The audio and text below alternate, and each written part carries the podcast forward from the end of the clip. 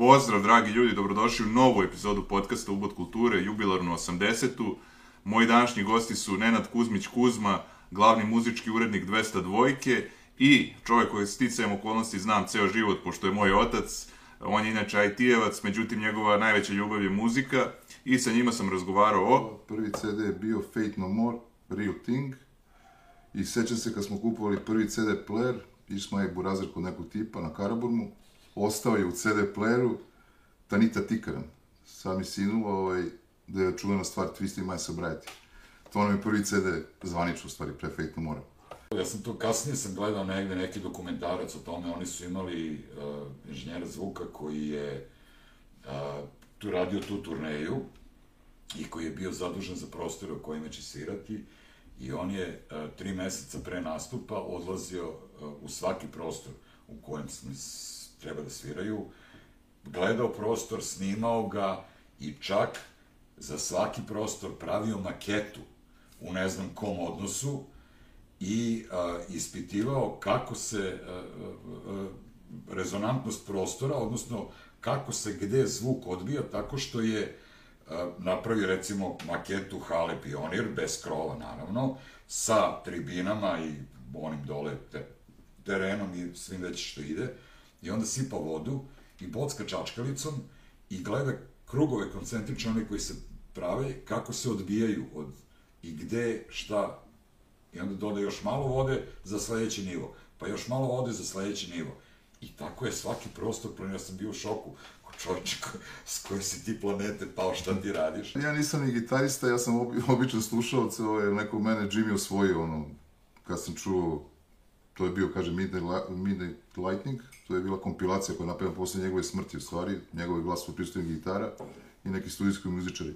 Ali inače njega najviše cenim, evo, iza moje glave tu čitavih nekih 50-60 diskova, što je ono, mislim, to je već boleština, što ja kažem, što mi pričamo, kolekcionari ili već. Htio bih se zahvalim Manchmelovu zato što podržava i deli iste vrednosti kao i ja i htio bih se zahvalim ljudima koji me podržavaju preko Patreona i Paypala. Linkovi su u opisu. Uživajte.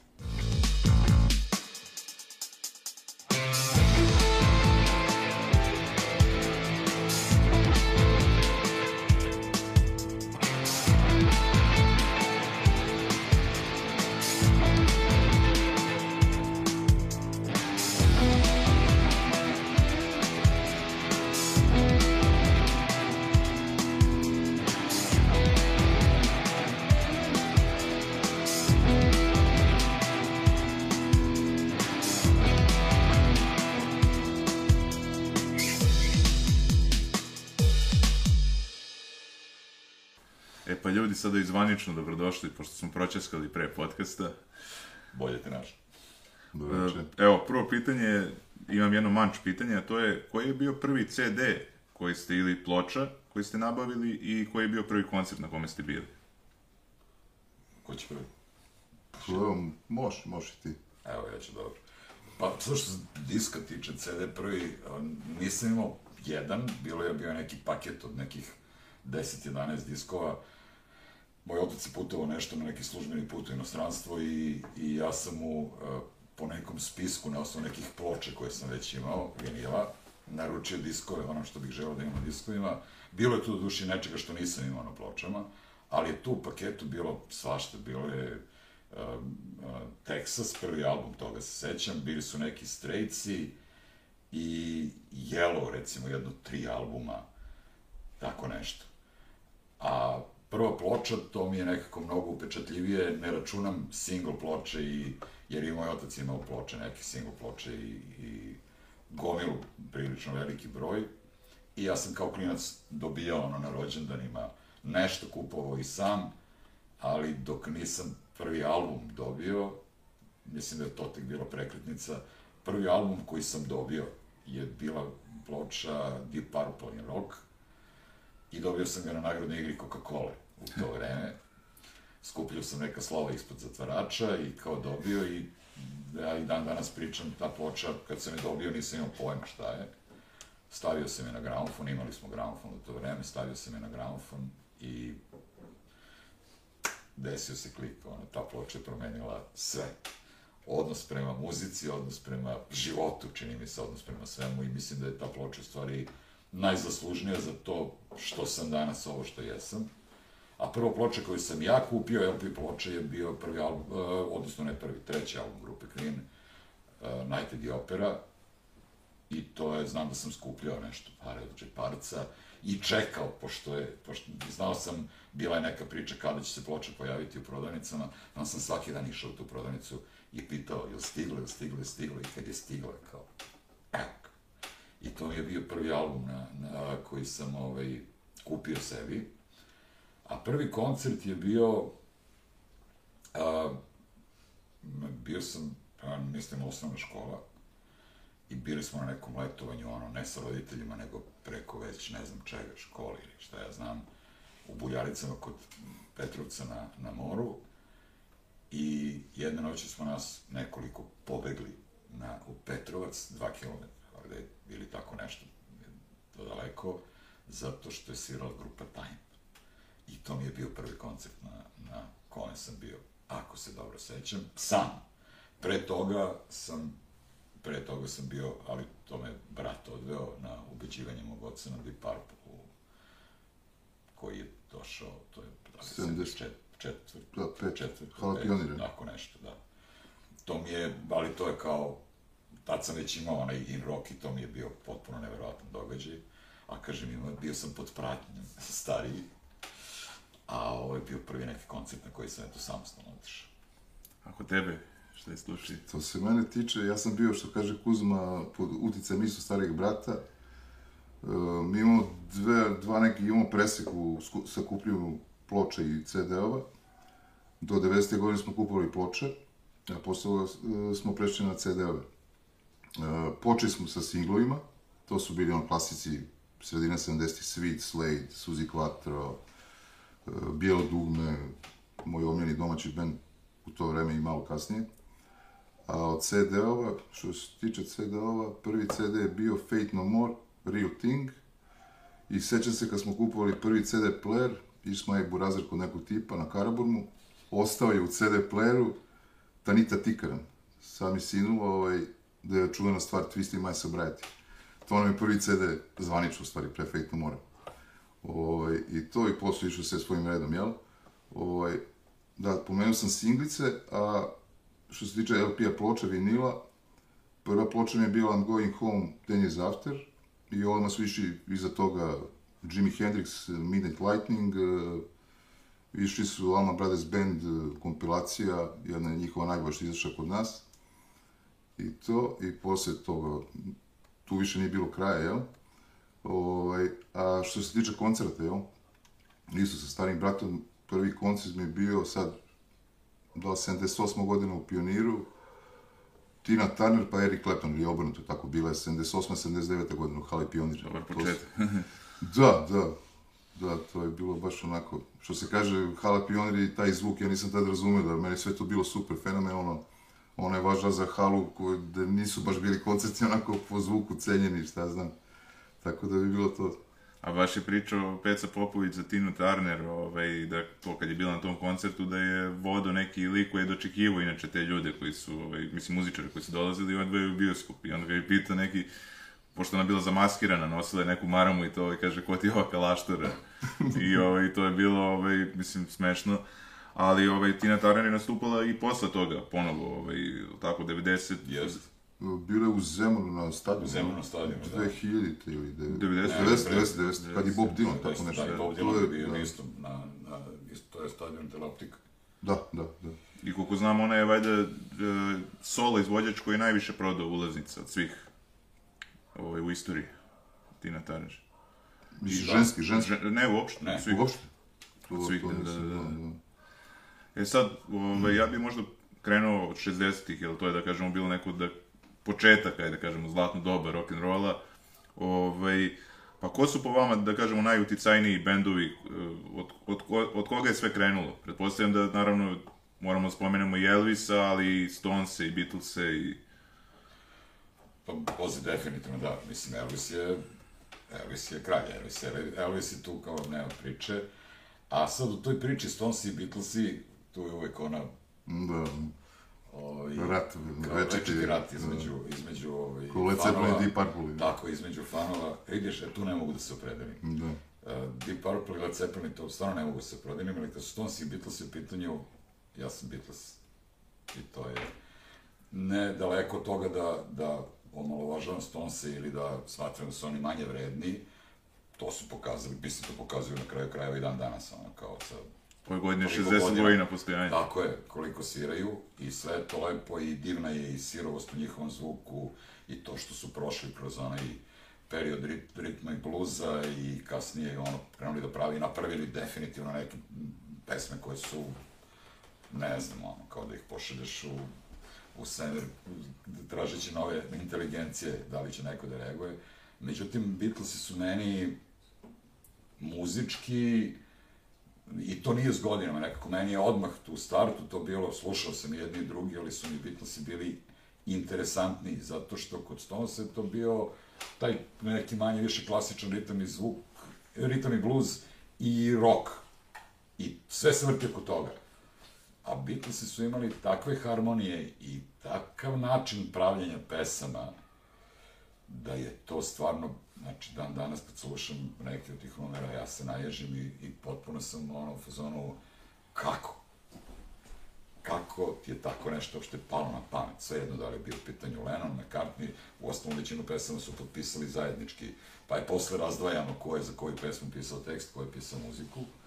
I naravno Harry, George Harrison koji je Harrison koji je tu možda nepravedno zapostavljen, I... Beše njegove Something, izvinim što te prekidam. Da, da. Something. Here comes the sun, comes something, znači, while my guitar gently weeps. Kraj, makoliko da je tu i Clapton umešao I prste, verzija, masu kavera i sve. Tako je. Tako da, eto, ono, i to, i da, da, da ne zanemarim ostale muzičare koji su u to vreme radili i svirali i, i grupe čak koje su se pojavljivale negde, nešto, neke paralelno sa njima, neke, neke malo kasnije, ali definitivno oni su nekako prokrčili put i napravili prostor za sve te ostale koji će doći i koji će učestvovati kasnije u pravljenju tog zvuka 60-ih. Baš sam skoro gledao dokumentarac o Claptonu, kad ga već spominjete, i bilo je interesantno, pošto su oni rekli da u jednom trenutku, ne znam koliko je to tačno, da je grupa Cream bila čak ono kao i jača i veća od, i od Stonesa i od Beatlesa, kao, mislim, kao bolji bend. E sad, ono, da li je to... A to je trenutak, znaš, da. mislim, da, malo... Druga neka faza teško, i tako je, druga vrsta muzike Druga vrsta i- muzike, mnogo, mnogo činilaca tu ima koje, pa ne možeš da, a i malo je, ja čak i ovo, znaš, ko, ko je bolji, što kažem, ne, znaš, kao aj kao, hoćeš je.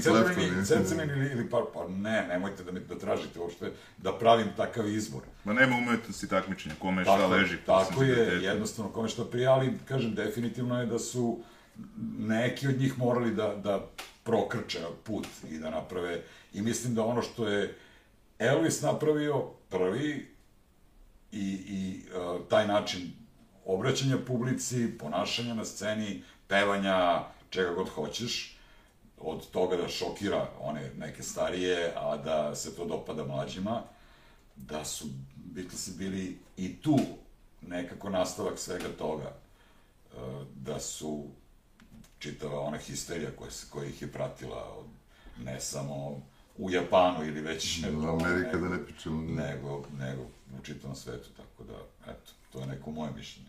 Da, ja bi se složio sa Kuzmom, o, ja sam prvo počeo, prvo zavolao Beatlese, e sad, ti si Boki ušao, ovaj, pomenuo si Krim i tako neki kasni period, to je po meni najbolji period u, u istoriji rock muzike, što se tiče nekog ono, bluza, roka i tako dalje. Ovaj, ali jesu, Beatlesi mi bili broj jedan, Sam Ellisa, koga sam tek kasnije počeo slušam. Čak ima, po stare dane sam napravio odličan album dupli, gde peo gospel. Zove se nešto gospel ne znam, neko 4 CD unutra, deluxe pakovanje. Beatlesi crveni plavi album, to je bila klasika, to je izlazilo kod nas. Rock and roll music, ono treća kompilacija. Ovaj, e, posle Stonesi, u stvari isto vreme sam isto krenuo sa Stonesima, Roller Gold, ona njihova kompilacija sa glavama, svi znamo mi, malo stariji.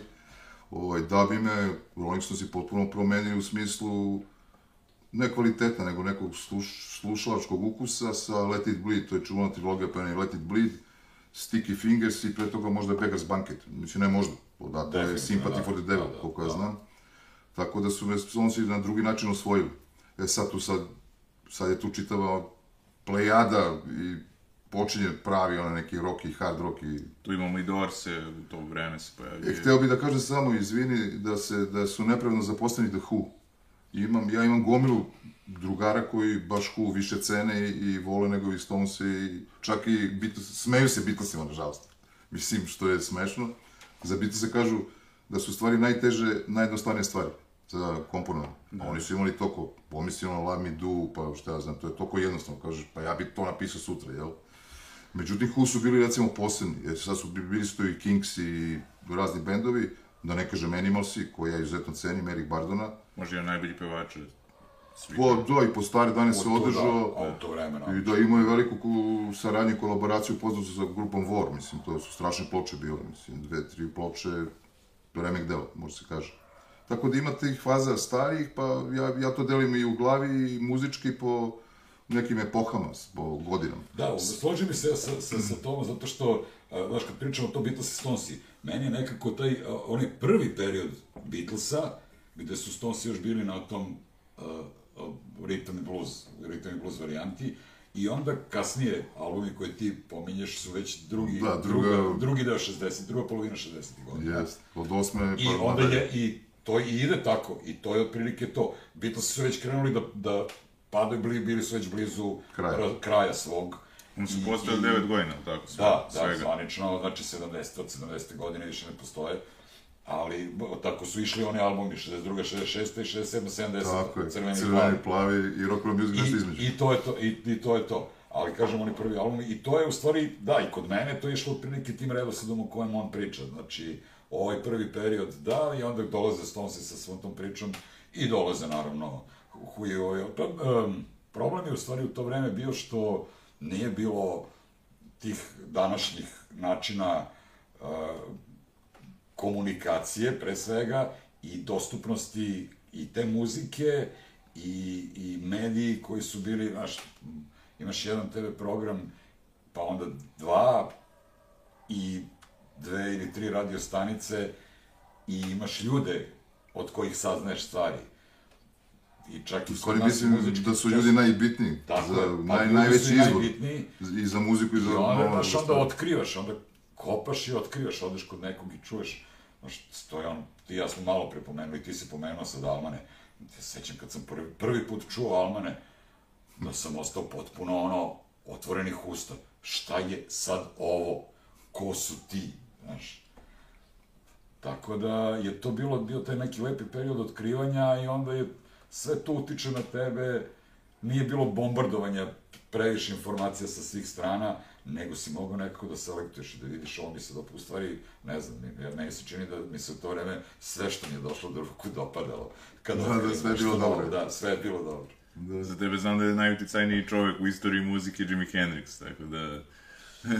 Ja, ja nisam ni gitarista, ja sam obi, običan slušalac, ovaj, neko mene Jimmy osvojio, ono, kad sam čuo, to je bio, kaže, Midnight, Midnight Lightning, to je bila kompilacija koja je napravljena posle njegove smrti, u stvari, njegov je glas potpisuje gitara i neki studijski muzičari.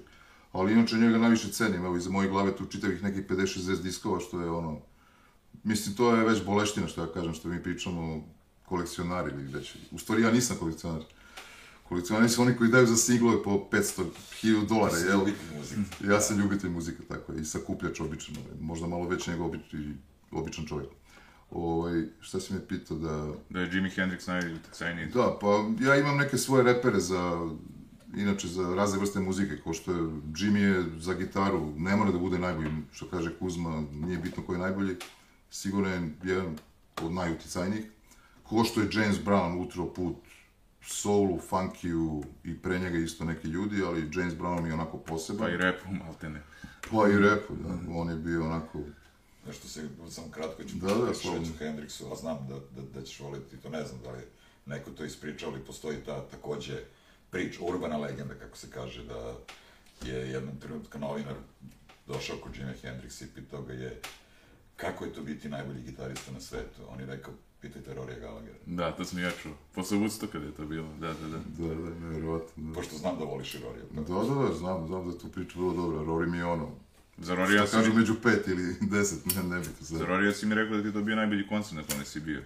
Da, da, to je bilo, on je tu pravio turneju, to je neka, ja mislim, 85. bilo je Sarajevo, da Ljubljana ili Zagreb, sad nisam siguran, i Beograd. Čuvena Hala Pinki. To je bio koncert, jesi bio Kuzma? Pink, jes, naravno. To je bio koncert gde smo mi, koji je trajao tri i po sata, gde čovjek jednostavno nije teo da ode sa bine, koliko mu je bilo dobro i koliko je u stvari to pošteno radi. Mi smo, seća se Bisa i sve, uz akustičnu gitaru, mi hoće, ustajemo, idemo kući, on vadi akustičnu gitaru i svira i svira, mi je rekao, čoveče, dokle. I inače, Rory je ono, baš, redki su ti muzičari koji iz duše sviraju ono, maltene do ujutro. Tako da na listi, ono, bilo je tu nekih i lista i svega i razgovora, Rory mi je sigurno jedan od najboljih koncerta svih vremena, mislim. S njega je interesantno da je on, rec već. da je on ono kad je bilo bombardovanje u Severnoj Irskoj, da je on za to vreme nastupao, ono, mislim da je bio, padale su bombe, on je držao koncert. Da, on je stalno, Da stalno. li, čini mi se Ulster, tako nešto se zove, ili Ulster, tako nešto. Da, da li je bilo u Korku tamo, on nije rođen u Korku, nego neko mesto pored, Da. u Irskoj, jel? Gde mu je napravljeno onaj njegov čuveni kip. E, tako da, Rory je poseban. E sad ovo ostalo, ostale godine, šta, hoću da kažem po pitanju evo baš ploče i vinila, pošto Kuzma, evo, on sad baš sluša samo vinile, jel? Ima, Ne, imaš i diskove, ne, ne, sve, ali- imaš, ali pretežno... Ali su, pa meni su vinili od uvek bili ljubav, a onda je to nastupio taj neki period kad smo kao, a, im, znaš, imaš problem sa vinilima gde više to držati, gde skladištiti, gde treba ti, mislim, ono kao, Obično ljudi stave u podrum, moj pa dragi, moj dragi uđe vlaga, pa zdravo moj dragi prijatelj Bane Lokner ima tu sreću da ima ogromnu kuću u Zemunu i sve je puno ploča, ima dovoljno mesta. Mi koji nemamo baš toliki prostor, to posle u nekom trenutku moramo negde da držimo nekim kutijama nešto. Ne u podrum, tad ne ide u podrum, ali ja, Da, vlaga i sve pusti. ja sam iznajmio garažu u kojoj, neću da kažem Čekaj, gde- mora da mi, meni će da kažeš u adresu. da, neću da kažem gde, u kojoj držimo ono što ne može da, da bude u stanu. Uh, I onda, znaš, kao taj praktični problem, kao vi nemaš devine, di- diskovi su ipak manji. Ali mene su nekako vinili uvek su mi bili, pre svega, pa malo pre sam rekao, pre nego što smo seli ovde da vas snimam, zbog tog omota, kad ga otvorim i kad vidim sve ono, nekako kad se pojavio disk, on je bio definitivno wow, Neko otkrovenje, da. Najčistiji zvuk, uh, mali, možeš da ga nosiš lako sa sobom, možeš više da nosiš diskova sa sobom. Diskman još kad se pojavio, pa ti ono staviš slušalice izađeš napolje i slušaš disk. Ali je meni ploča ostala i zbog tog omota i ne znam, ne, skoro sam pričao, nemam, ne, ne osjećam nostalgiju tipa kada otputujem iz zemlje, pa sad kao osjećam nostalgiju. Ja osjećam nostalgiju prema eto, takvim nekim stvarima, na, recimo prema, prema pločama, a evo one su se sad vratile, ja sam presrećan zbog toga. I sad ponovo, prestao sam da ih u jednom trenutku kupujem i skupljam, da tako kažem, ali sad ponovo ulazi, ponovo, pro, pro, prošle dve godine je zabeležen neverovatan rast prodaje vinila u čitavom svetu. I definitivno je da ta industrija ponovo kreće. Ono što je kod, kod mene još uvek dobro kad je ploča u pitanju, ti kod kuće ne možeš da napraviš kopiju. Možeš da je snimiš na nešto, ali ne možeš da napraviš kopiju. Mislim da su disku propastili onog trenutka Da, kad su počeli da režu. počeli da ih režu. Kad smo počeli da režemo. Kad smo počeli da režemo, da pravimo kopije, ono, diskova, kao i kasete i svega ostalo. Pa sad je fenomen da se u nekoj američkoj državi kao prodalo ne znam koliko, 20.000 kaseta, nešto, tako da je... ono- Da, po, da, I oni uzimaju posebna maka, priča. da. Da, da, da. I oni imaju taj topao zvuk, ovo, stičan vinilo, jel? To je posebna Kasete priča. su Ja ću sutra tek ponovo ono. dobiti kasetofon. Ozbiljno, Da, znači, da, stiže mi kasetofon. vraćamo se 40 godina Sonijev, 50. Sonijev iz Zagreba, eto moj prijatelj Ivan Dečak će mi doneti, pošto smo nešto pričali pre nekog vremena kad je bio tu pre nekih desetak dana, i ja kažem, rekao, morat ću ponovo da nabavim kasetofon, počeli su da objavljuju ponovo kasete, ali i kod nas. I kod nas se već pojavilo prvo izdanje ponovo na kasete. Ne znam, znam da na berzama prodaju Goran prazne, Jović, one ne, basove i sve po... Je objavio svoj album na kaseti. I kaže Ivan, pa doneću ti ja, ono, stoji mi kao u kutiji, spakovan, u, u ono, uvijen u foliju i šta ti ja znam, kao, na 10 godina, kao Sonyjev dek. Kao, bravo, odlično. Da, da, inače i dat sam nabavio ponovo. A, da, da. Imam Da, dat. čuveni, to je kvalitet A ne inače, meni su pričali ljudi, pošto ja nisam živio u tom vremenu, pa ne znam da, da je bila ta draž sa kasetama, jer kad snimaju ovaj zvuk, onda onda budu i reklame i ne znam šta, i onda treba nahvatati tu svoju pesmu i mislim da je to bila posebna draž, ono, ovaj... Pa da, snimaš, mislim- ono, imaš pauzu, imaš... Sve zato što snimaš sa radija. Da, da, sa radijom. Hvataš emisije omiljene sa radija. Ili, ili snimaš sa, neko, sa ploče, ako imaš tu ploču, ali ako nemaš ploču, a kod nas u to vreme, govorimo o 70. 80. godinama, 80. posebno, ajde, kao i nije baš 70. nisam baš toliko, ono, e, bio, jeli, i veliki, i, ovaj, nije bilo, novu muziku si mogao da čuješ na radiju. I ja se sećam da sam ja slušao radio i to što ti kažeš. Juriš čekam- pesme. čekam sa, sa, sa prstima iznad ona dva dugmeta mm. record i play, koja treba da pritisneš istovremeno, da voditelj završi sa pričom i da se završe reklame, ako znam da će ići ta pesma, i onda uključuješ, i onda držiš dugme na pauzi, da kad čim on počne priča da je zaustaviš, da ti ne bi, onda se nerviraš kad oni pregaze. Da, da, da. Mislim, danas radim na radiju, pa znam kako je to nekad, dobro, sad, sad su drugačije, sad ljudi to ne rade, ali znam koliko je mene nerviralo kad neko priča preko, krene muzička numera, a on priča. Onda su još postojali voditelji koji vežbaju da pričaju do vokala, dok ovaj ne počne da peva. I to jeste stvarno neka vrsta umetnosti, to treba znati na radiju. To radiš ili po sluhu, ili vežbaš, bukvalno. Ali to bi mene kao slušalca nerviralo, kao čekam toliko s njim tu pesmu. Ovaj priča, raspričao se, oni su odsvirali već ceo uvod, ja sad nemam uvod zbog njegove priče, nego imam od početka pevanja. Ja bih te nešto da kažem, baš odnos ploča, CD ploča, u stvari, obrnuto. Kad se CD-ovi pojavili negde sredinom, boga mi, 84. 5. Tako. Znam Jefta, moj drugar, Jeftu znaš sigurno, on je Meridijana imao i opremu odličnu i on je prvi CD, ja mislim, i kupio, mislim, od mog društva. E, svi ti moji pretežno stari drugari gde sam pokupio sam njih boga oca što se muzike tiče, ovaj, svi su oni prešli na CD-ove, da bi, boga mi, pa za njih i deseta godina polako nisu se ratosijali CD-ova, ali su prešli na ploče svi. E sad, to su Vratili čitave, Kuzma zna, učestvuje, je, pošto smo se družili na Vratili berzama, se. marketima, to su debate, čak i svađe, ko je, šta je bolje, koji zvuk, šta, i prevladava ploča, mislim, zvuk sa vinila, jel? Međutim, je rekao ljudi, a šta ste radili dok ste služili CD-ove? Ploče su bile u podrumu, jel? Tako da, Bilo dosta- ali, hoće kažem, da, hoće pa kažem, pazi, nebitno, bitan je zvuk, u, ko, u čemu uživa, da, Definitivno da, uopšte... ra- da razlika postoji, ali prvo moraš da imaš jako dobre uređaje da bi čuo tu razliku. Uh, u toplini zvuka. A ono, znaš, tu postoje priče, teorije kao ne, disk kao digitalni zapis, skečevi i nule, znaš, kao on pretvara one, uh, odnosno sinusoide u Da, da, da, prave da, da, da. linije i oštre uglove i kao, mislim, znaš kako ovo je potrebno da bi to, da bi ti to čuo. Ja tvrdim definitivno da, a sigurno da prosečan, prosečan slušalac to ne može da čuje.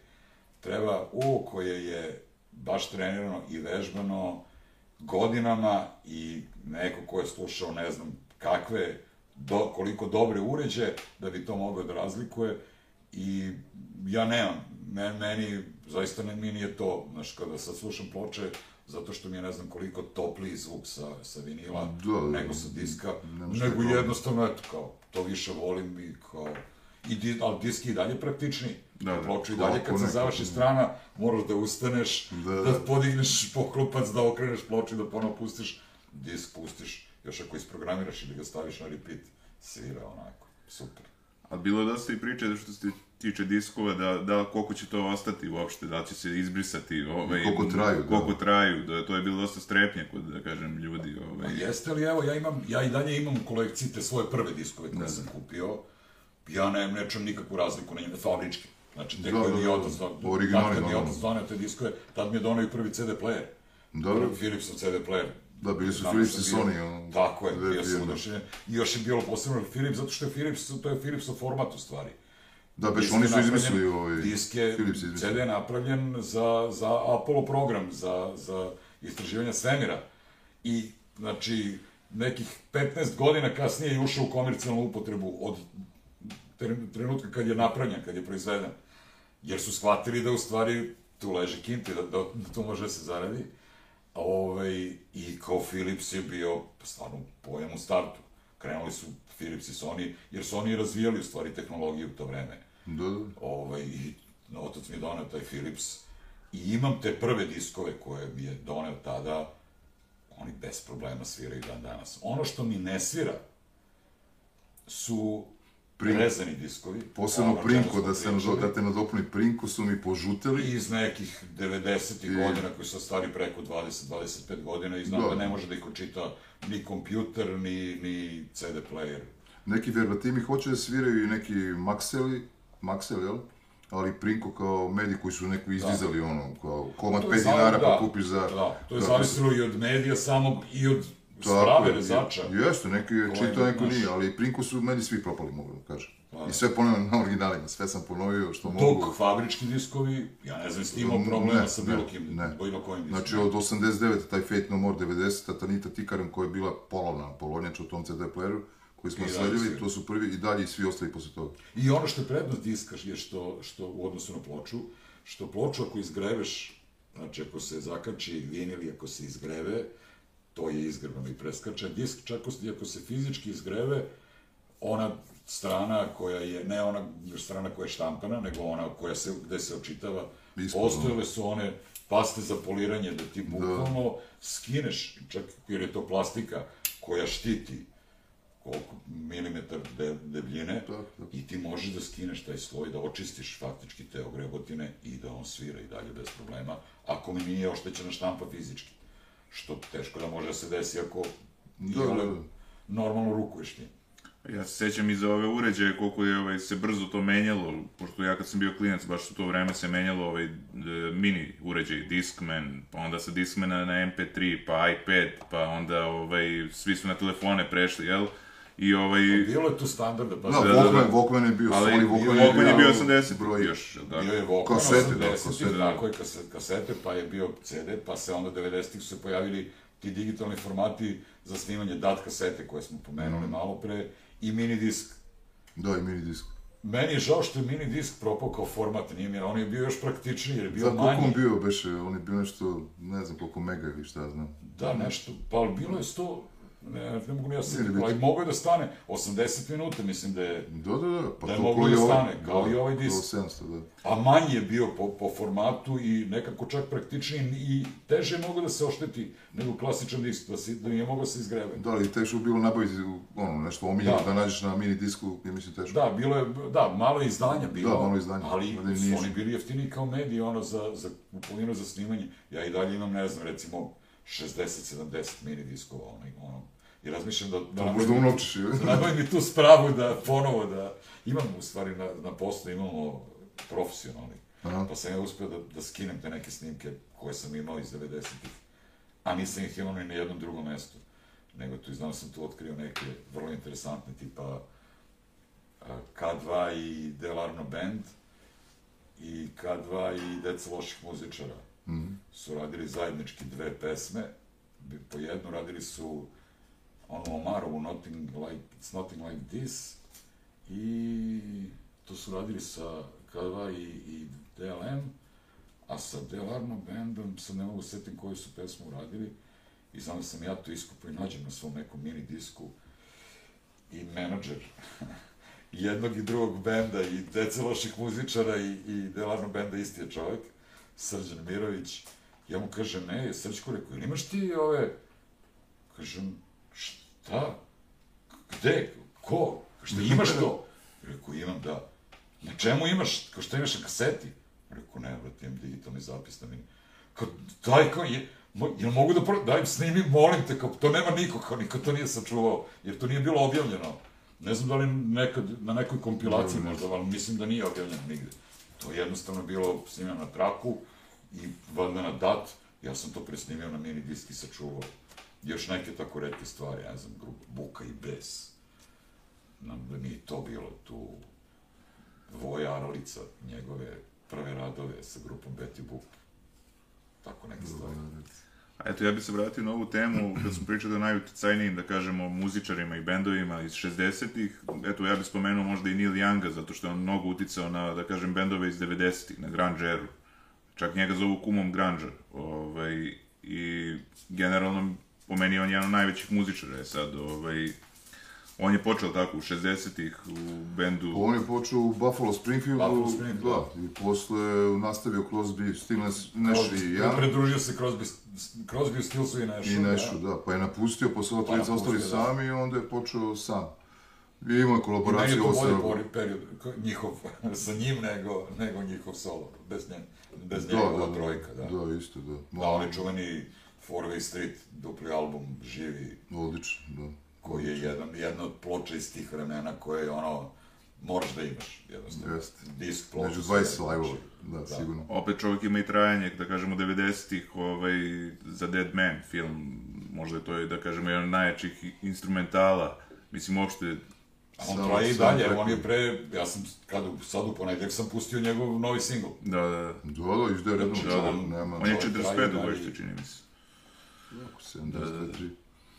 Dobro, on se, treba nag- ovaj, spomenuti njegov band Crazy Horse. U stvari, oni su da, tu... prateći band koji je... Tako je, koji su išli ka tom tvrđem zvuku.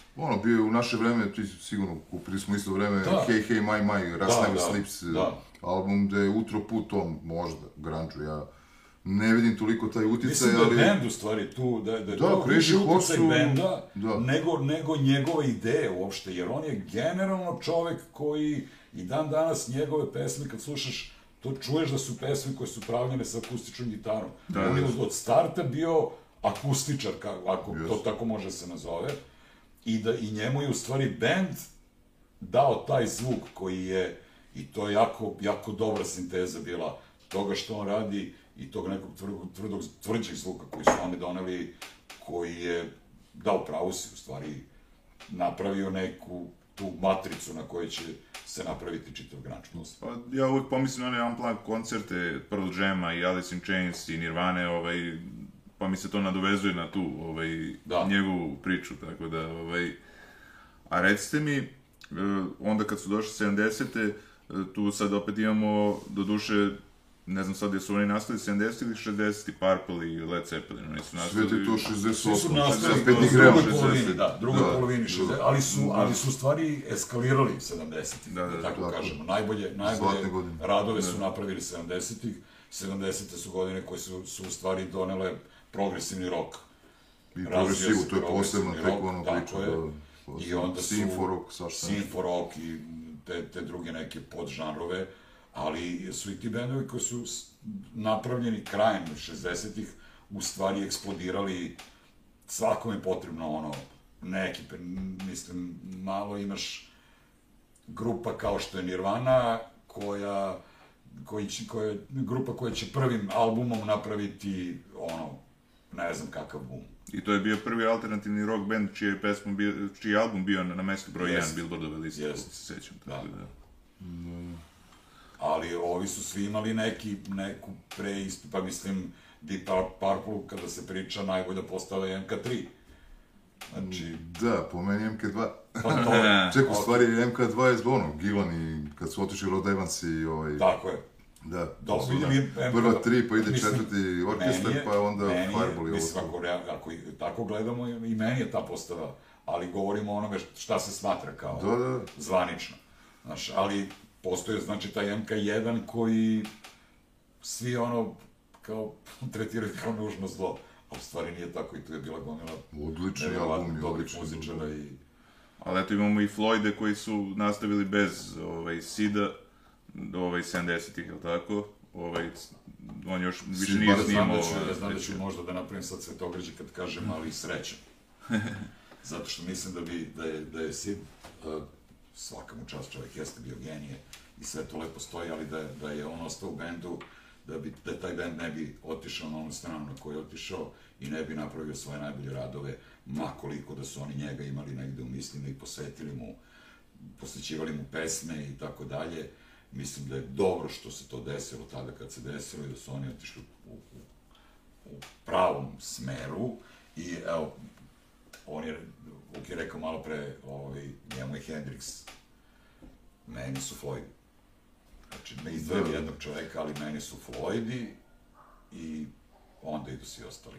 Ma koliko da su, da postoje neki bendovi koji su na mene možda uticali više u nekom određenom periodu života, tog Purpa, od ne znam, Almana ili već čak i taj Queen, ono, ne, sećam se, taj album je bio Night at the Opera, to je stvarno bilo za, za taj I trenutak. sad je svaka stvar za sebe, I svaka sad stvar kad remek delo. slušaš što je re, svaka stvar je remek Drugačiji remek delo, nevjerojatno. sve, ali Floyd su potpuno posebna priča. Tu je posebna planeta, vidi. Da, Floyd je tu, ja mislim, velika... Druga dimenzija. Oni su ono, Mm, kao druga dimenzija, bogovi, oni su sa druge, da. I bavili se zvukom i produkcijom na poseban način i tako. Proučavali su to, iznajmljivali opremu, koliko znam, imali su svoju i firmu za iznajmljivanje opreme. Da oni se bave sa više aspekata. Da, Sweet Planet je bio Da, malo... da, to sve to stoje, ali muzički su, ne znam, napravili Da, su muzički nešto što je... Pa eto i direktno to što su posvetili njemu pesme, to je, dakle, ne bi se desilo da on nije da. otišao iz, a to su jedno od najboljih pesama, tako, Tako da ono. A recite mi, e, kad smo kod tih, da kažemo, 70-ih, koji su bendovi možda zvučali bolje uživo nego, mislim, mogli ste to saznate preko DVD-eva, verovatno, ovaj, nego ovaj, na Započeli albumima. smo mi tu neke koncepte. Da, da, da, Makar- Da, da. Da, da. Mislim, koji su esencijalni da te pre, malo da u drugom pravcu oteram priču, što se kaže. Možda koji su esencijalni albumi, pošto je, to je široka priča, jel? Živi albumi, Snimak i živi za... albumi. Živi da, Da. live albumi. Pa možda da, Možda možda, tako, to, možda je jer- to bolje poređenje, to, to smo nešto rekao, samo ja ću kratko, pa ti Da, onda da, nastaviš. normalno, ma nemam. Tu, nije tu, uh, znaš, ni, redko koji bend je mogao iz večeri u veče, odnosno iz koncerta u koncert, da zvuči svaki put savršeno. Malo je tak bendova bilo koji su, i to čak 70-ih, ne znam ni da li je bilo moguće postići, o, s obzirom na uslove, opremu, bla, bla, bla, da sad Da, ne da, da. pričam šta, ali su za to neki od tih uh, grupa izvođača snimili esencijalne žive albume koji su I dan danas antologije. Tako je. Znači, dan danas ih je teško dostići. Izvini, sad. Da, pa, ja mogu da kažem koji su, mislim, i Kuzma sve to zna. Alman Brothers Band, čuveni filmorist, eh, Humble Pie, eh, dobro, po meni, jel, Deep Purple, Made in Japan. Da. E sad, malo mi tu štrče Led Zeppelin, što kaže Kuzma, nije svako veče idealno, The Song Remains the Same, to je i film, jel? Koji su oni napravili, u stvari to je koncert iz 73. u, gde su, Madison Square Garden, tako je. Pa imaš Ten Years After, uh, Recorded Live, koji je isto odličan. Od Hendrixa imaš onaj, dobro, to je više, ja mislim, kompilacija, ovaj, In the West. I kako- Who je važio za bend koji uživo razvaljuje, mislim. Tako je, Live at Leeds, to je albumčina neverovatna. E sad, pitanje zvuk, zvuk je odličan, mislim, e sad, neko bi rekao možda i nije idealan, ali... Tako, Znam sve, sve za, zavisi. za Kit Moona da je uzeo valjda konjske neke tablete su nesvestio na sceni nešto, ne znam kad je... A Keith Moon je osoben, osobenjak. Uzimo je svašta. da, da, da.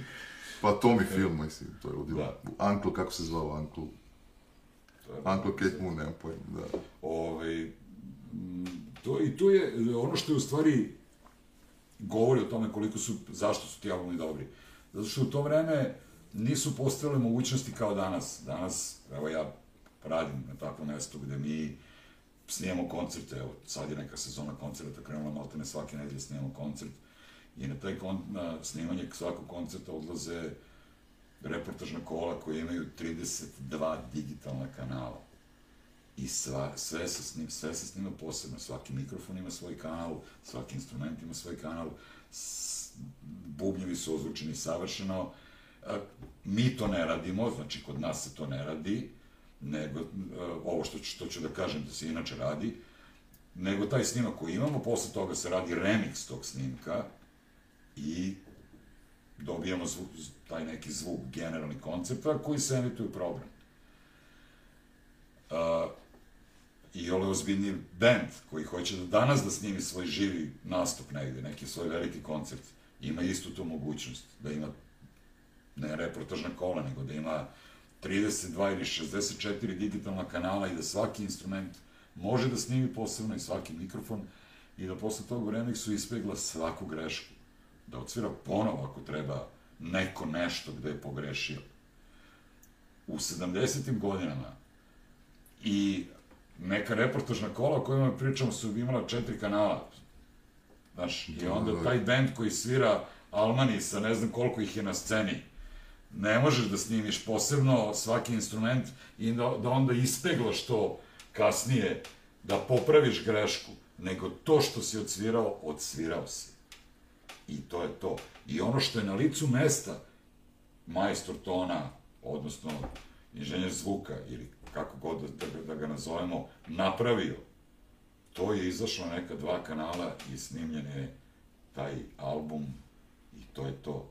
To su odsvirali, to je izašlo i zato su ti živi albumi toliko značajni, znaš, kad kažemo šta je najbolje zvučilo, mogu da kažem sa nekog, mog, pričali smo čak Da, o tome malo pre, u tom poslu, tako da- aspekta, šta je meni najbolje zvučilo od onoga što sam ja čuo, kod nas je važila priča, ti, ti, ti si pomenuo čak malo pre, da Hala Pionir ne može da se ozvuči. To je, gledao sam ne znam koliko koncerata u Hali Pionir i zaista je zvuk bio, zavisi gde si.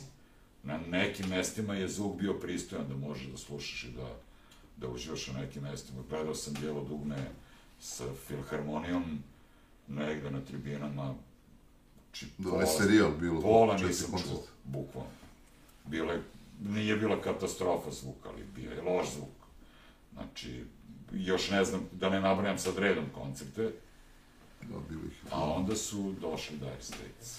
Da.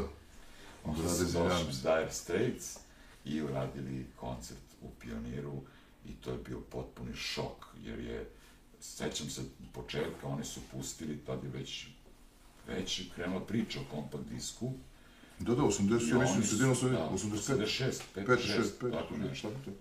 I oni su, ovaj, krenula je muz, muzika je neka išla, ono, pre njihovog izlaska na scenu, i onda u nekom trenutku zatamnjenje, i kao ide muzika, i kao ta muzika kreće, se razvija, i kreće, ono, stvar, i pale se svetla, i ti vidiš da su oni na bini da sviraju, da tu nema razlike sa onim što se slušao pre toga.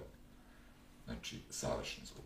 I koji je bio razlog toga? Razlog je bio, da, to je, ja sam to, kasnije sam gledao negde neki dokumentarac o tome, oni su imali uh, inženjera zvuka koji je uh, tu radio tu turneju i koji je bio zadužen za prostore u kojima će svirati i on je uh, tri meseca pre nastupa odlazio uh, u svaki prostor u kojem treba da sviraju, gledao prostor, snimao ga i čak za svaki prostor pravio maketu u ne znam kom odnosu i a, ispitivao kako se a, a, rezonantnost prostora, odnosno kako se gde zvuk odbija, tako što je napravio recimo maketu hale Pionir, bez krova naravno, sa tribinama i onim dole te, terenom i svim već što ide, i onda sipa vodu i bocka čačkalicom i gleda krugove koncentrične, one koji se prave, kako se odbijaju od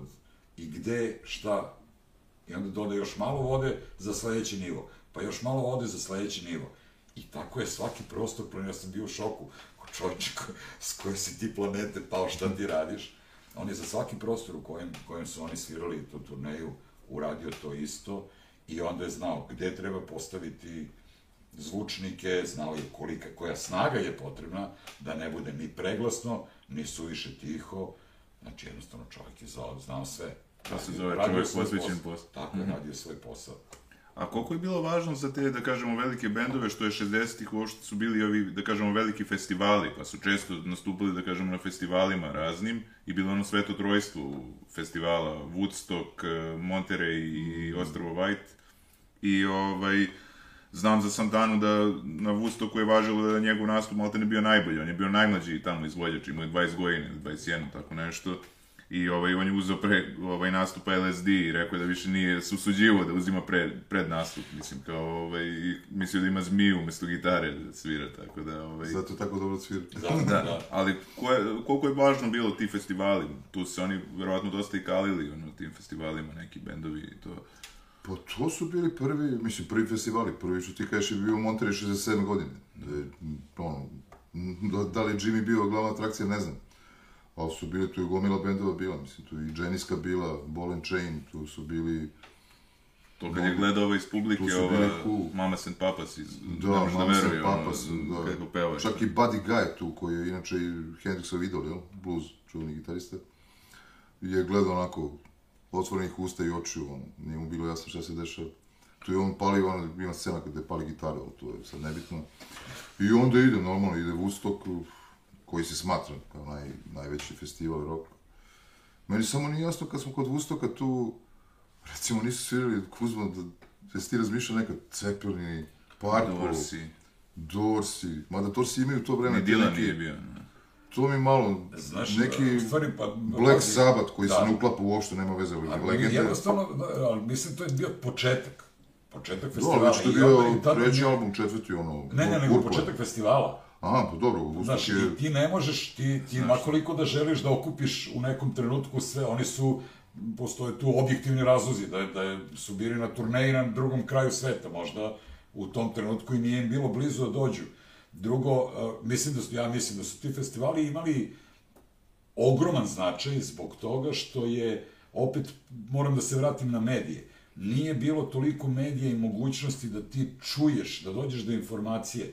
Ovo je bila neverovat, bio je neverovatan način da velikom broju ljudi koji će se tu okupiti zbog jednog benda, zašto su došli neki fanovi nečiji, ne znam, fanovi Janis, Janis Joplin, koji su mogli da čuju Hendrix ili da čuju Santana.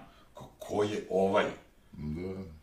E, to, zbog toga su bili jako bitni ti festivali, međutim oni nisu kao današnji festivali imali kontinuitet, da ti sad svake godine imaš Woodstock Da, da, da. u kontinuitetu, ili Isle of Light, ili već, znaš, Da. Čak se i Woodstock nastavio nešto, 94. da, prvi pa, put, od 90, 99. pa, posle koliko godina, Ali priča, da, taj Woodstock mi nekako... Ni, to nije, to nije više bilo da. to. Dan, danas su festivali potpuno druga priča, ali u tom trenutku su bili jako bitni, mislim da baš zbog toga što su bili mesto gde su mogli da se okupe ljudi sa raznih strana, ciljano su došli zbog nekog, jednog ili dva benda, ali su čuli još neverovatno, šest ili sedam izvođača koje možda nikad pre toga nisu čuli i otkinuli na, na njihov nastup i na ono što oni rade. Sa te strane je to bilo način što, ono što danas rade mobilni telefoni, Da, prenošenje da, da. informacije, faktički. I gomila tih bendova je održao karijeru. Mislim, oni Da, su, oni da. su, ono, oni su Da, živjeli posle toga, da, eksplodirali, eksplodirali posle toga. da. imali najbolje periode svoje, šta ja znam. Malo je, A neki su završili prerano život. dobro, to Klub sad, 27. Klub 27 da je da, ostalo. da, da. Recimo, Ostrovo White je bilo odlično, mislim, tu su neki bendovi bili savršeni, Taste, Jet Rotal, tu su bili neki... Tu su bili Dorsi isto. Dorsi, da, njihov snimak uh, nisam gledao, da su bili Dorsi. Jesu, jesu, rekao mi je pec. da. O, da, Peca, Peca je pričao da je Bio na Ostrovo White, da. Peca Popović. Tako da sigurno, pa najbolje doba, nema šta, mislim, sad ovo posle. E sad ja bi tu možda neku paralelu sa našom scenom. Kako je bila naša scena, ovaj, pričali smo, ti si spomenuo Bijelo dugme, on je spomenuo ovaj, uh, Time, pa sad ovaj, koji, koliko god da kažem upljuju ljudi Bijelo dugme, opet ovaj, kao pastirski rok, vamo tamo, opet oni su vrlo uticajan bend, jer oni su prokrčili mnogima put, ono, to nema šta, mislim, tako da, ili što ih smatraju da su neki projekat, aj tako kažem. Dobro, to sad razne, razne priče, teorije zavere, da, da, to ne bih, ne bih, stvarno ne bih ulazio to, Da. ali definitivno je da su, na, naš, to ne može da se ospori. Nikako bez obzira, neko može da voli ili da ne voli, međutim njihova veličina ne može da se ospori. Dugme je, jeste stvarno, i prokrčilo put, i napravilo prostor, i Bregović je tu eksperimentisao, ne govorim sad o čovjeku kao čovjeku, nego govorim o muzičaru i umetniku, eksperimentisao i napravio je stvarno nešto što do, tad, do tada, a boga mi ni od tad nije baš napravljeno na kompletnoj jugoslovenskoj ili ex-jugoslovenskoj sceni, kako god da je nazovemo. Znači, bilo je tu grupa koje su meni, koje sam ja više volao u to vreme, ja sam više, ja sam bio smakovac. Da. Ja sam više volao smak i meni je smak bio i meni dan danas. Gledao sam ih sad pre meseci nešto dana kada ono, bilo A, išao da, da, da, ne, u Čačak, U Čačku, u da. Čačak sam išao da bih, da bih gledao da. smak uživo. I ovaj, i sve to stoji, uh, ali dugme jeste utrlo put na neki način. Bez obzira što su postojali bendovi koji su stariji od Bijelog dugmeta, znaš, kad pričamo o tome, pričamo i, i o Tajmu i A nedavno je preminuo Kovač, tako nedavno je. preminuo, a. Korni Korni grupa, grupa, da. tako je, znaš, sve, sve to neko probijanje i pravljenje prostora. Korni grupa koja je u jednom trenutku otišla u taj progresivni rok koji je... Pesme po 20 minuta. Bukvalno. Ti imaš emisiju, jel? Ima Najduže emisiju, pesme. Da, da, Ako ćemo- koja se bavi upravo To takvim, takvim pesmama. pesmama koje ne možete da čujete na radiju u klasičnom onom radi, radijskom vremenu, odnosno u prime time-u.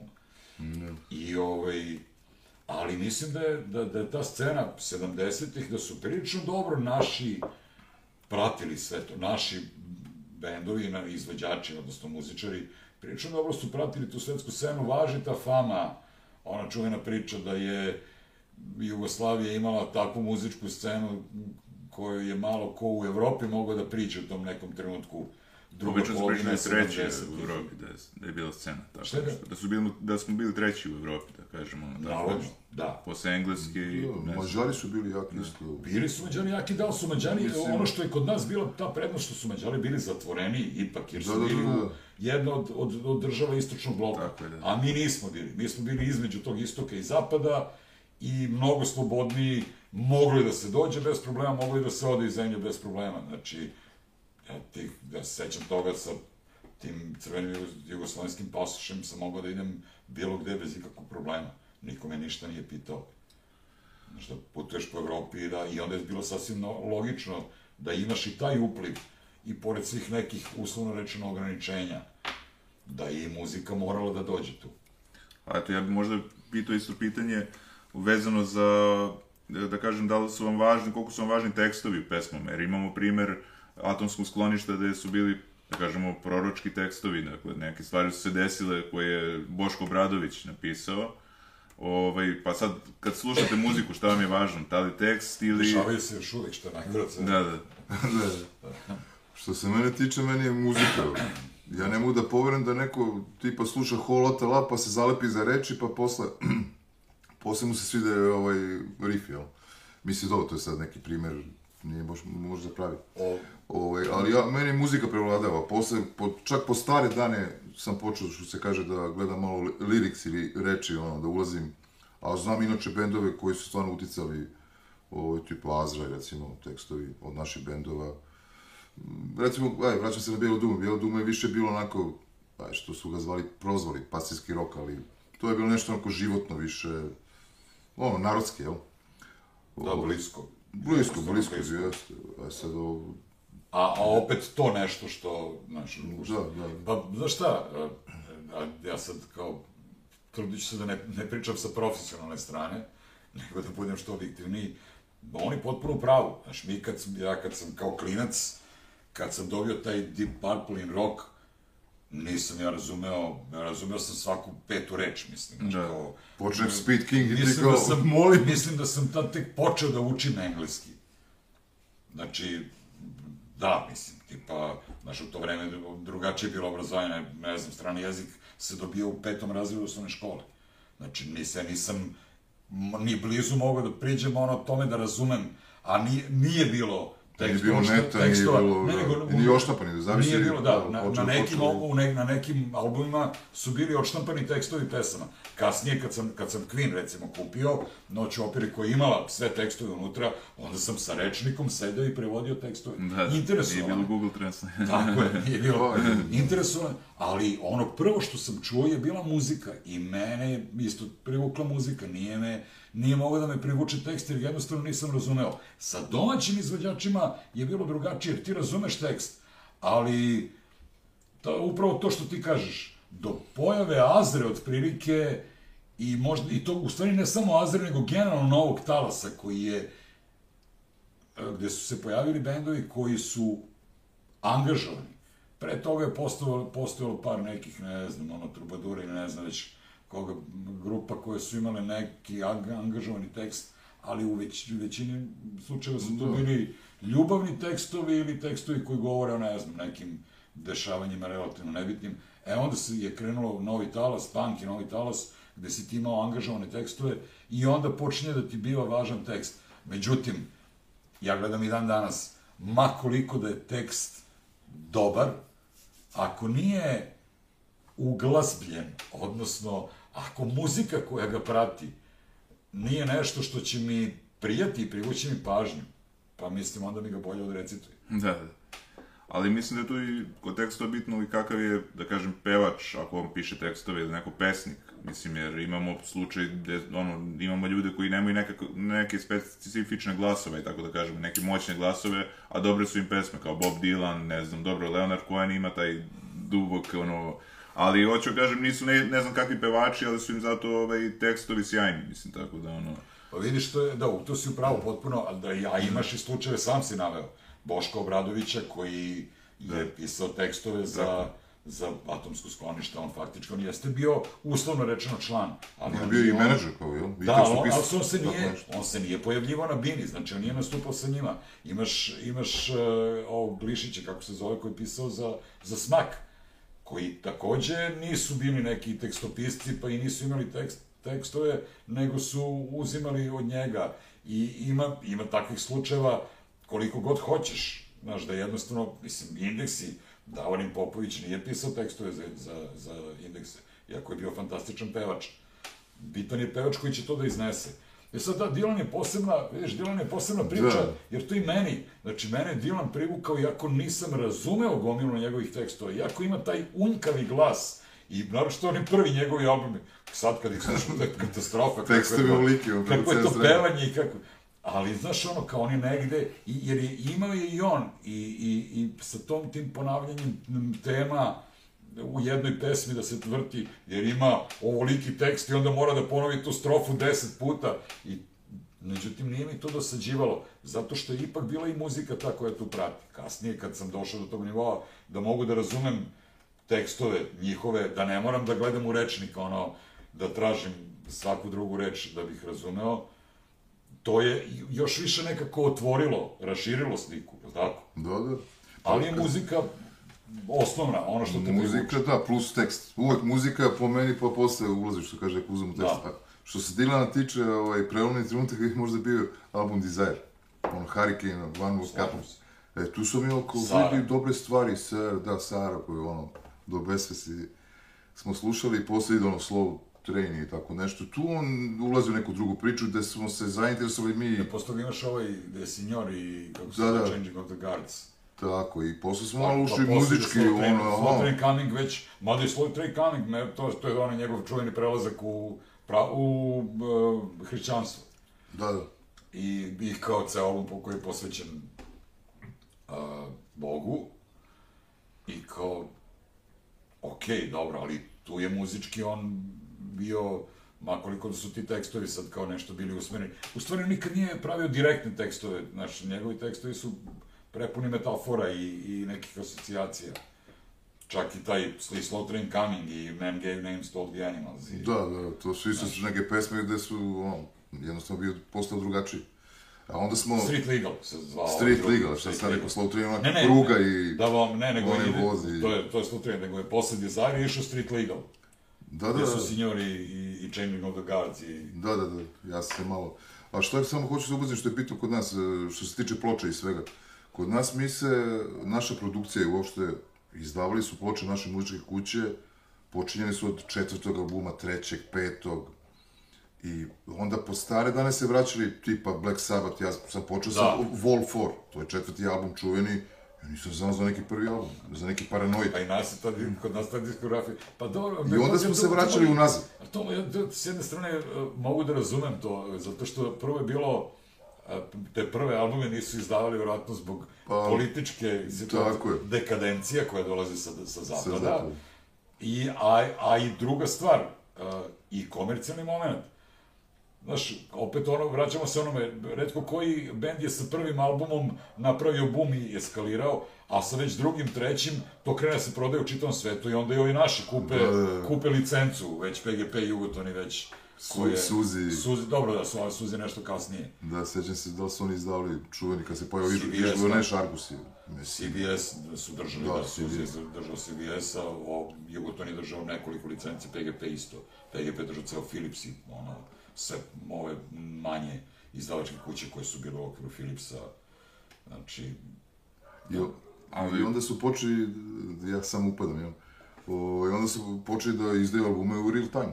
Recimo, ti se Da. sećaš Boston prvi album, ono, jukeboxovi, tu su mi ukoričeni, jukeboxovi Da, da, su mi da. bili izvor svega, to je poseban časopis, jel?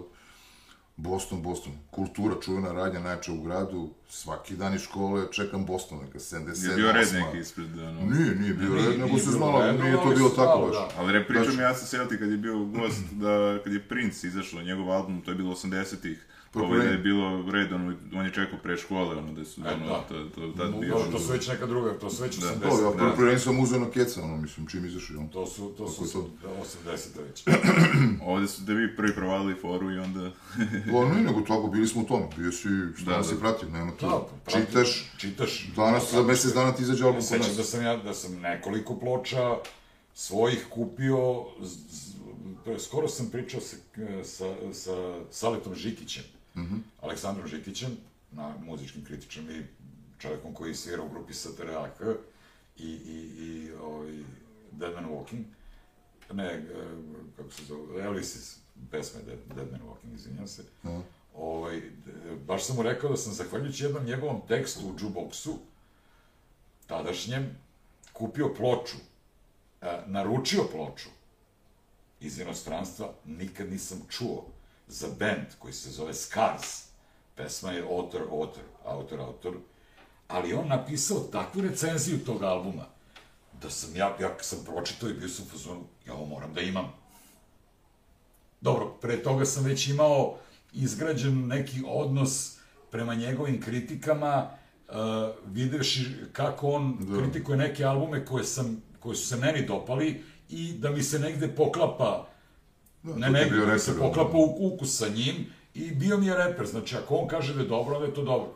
I sećam se da je bilo kao, šta je ovo ko nikad čuo, band koji... Ni ja nisam čuo, iskreno. Da, imam tu ploču dan danas, band koji tu jednu ploču objavio, koja je remek delo. I štete što su se raspali, što nikad više ništa nisu napravili posle toga. Ali ja sam tu ploču naručio i kad sam stavio na gramofon, bio sam je, to je to. To je, bukvalno, to je to. Da. A Evo sad smo spominjali Sabate, koliko su oni važni za metal i nastanak metala uopšte i heavy metal i... Jer Pa sam jedna da si- nesreća u... I, Da li si fan Deep Purple ili Black Sabbath?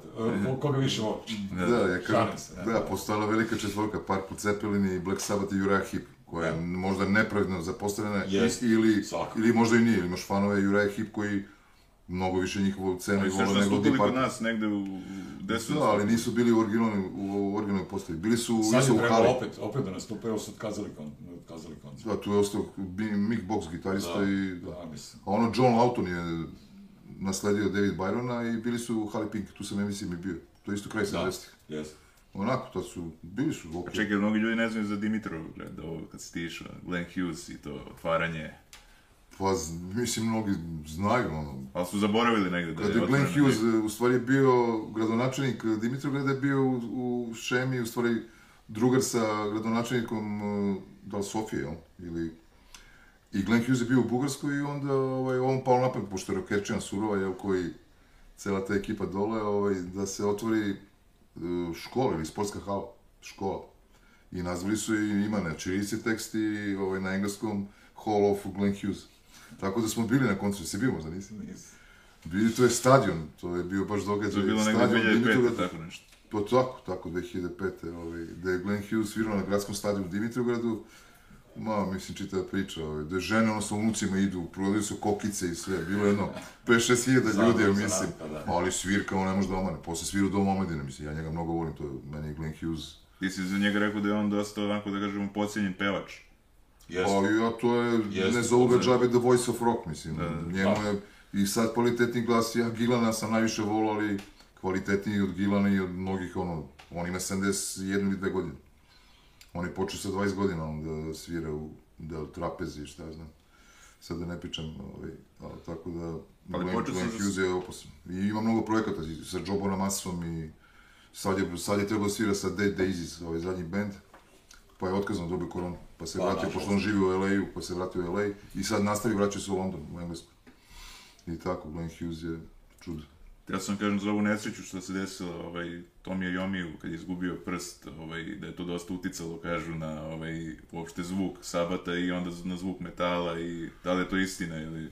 Pa ja, ja ne znam, ja stvarno ne znam koliko to uticalo, ali pazi, Black Sabbath je po meni, to se nije znao izraz heavy metal, to je pravi hard rock, kad ti čuješ prvi album sa još primjesama, čak neke psihodelija, nekog ludila, da ide Paranoidi kao drugi koji je remek delo isto kao prvi, ne zna se koji je bolji.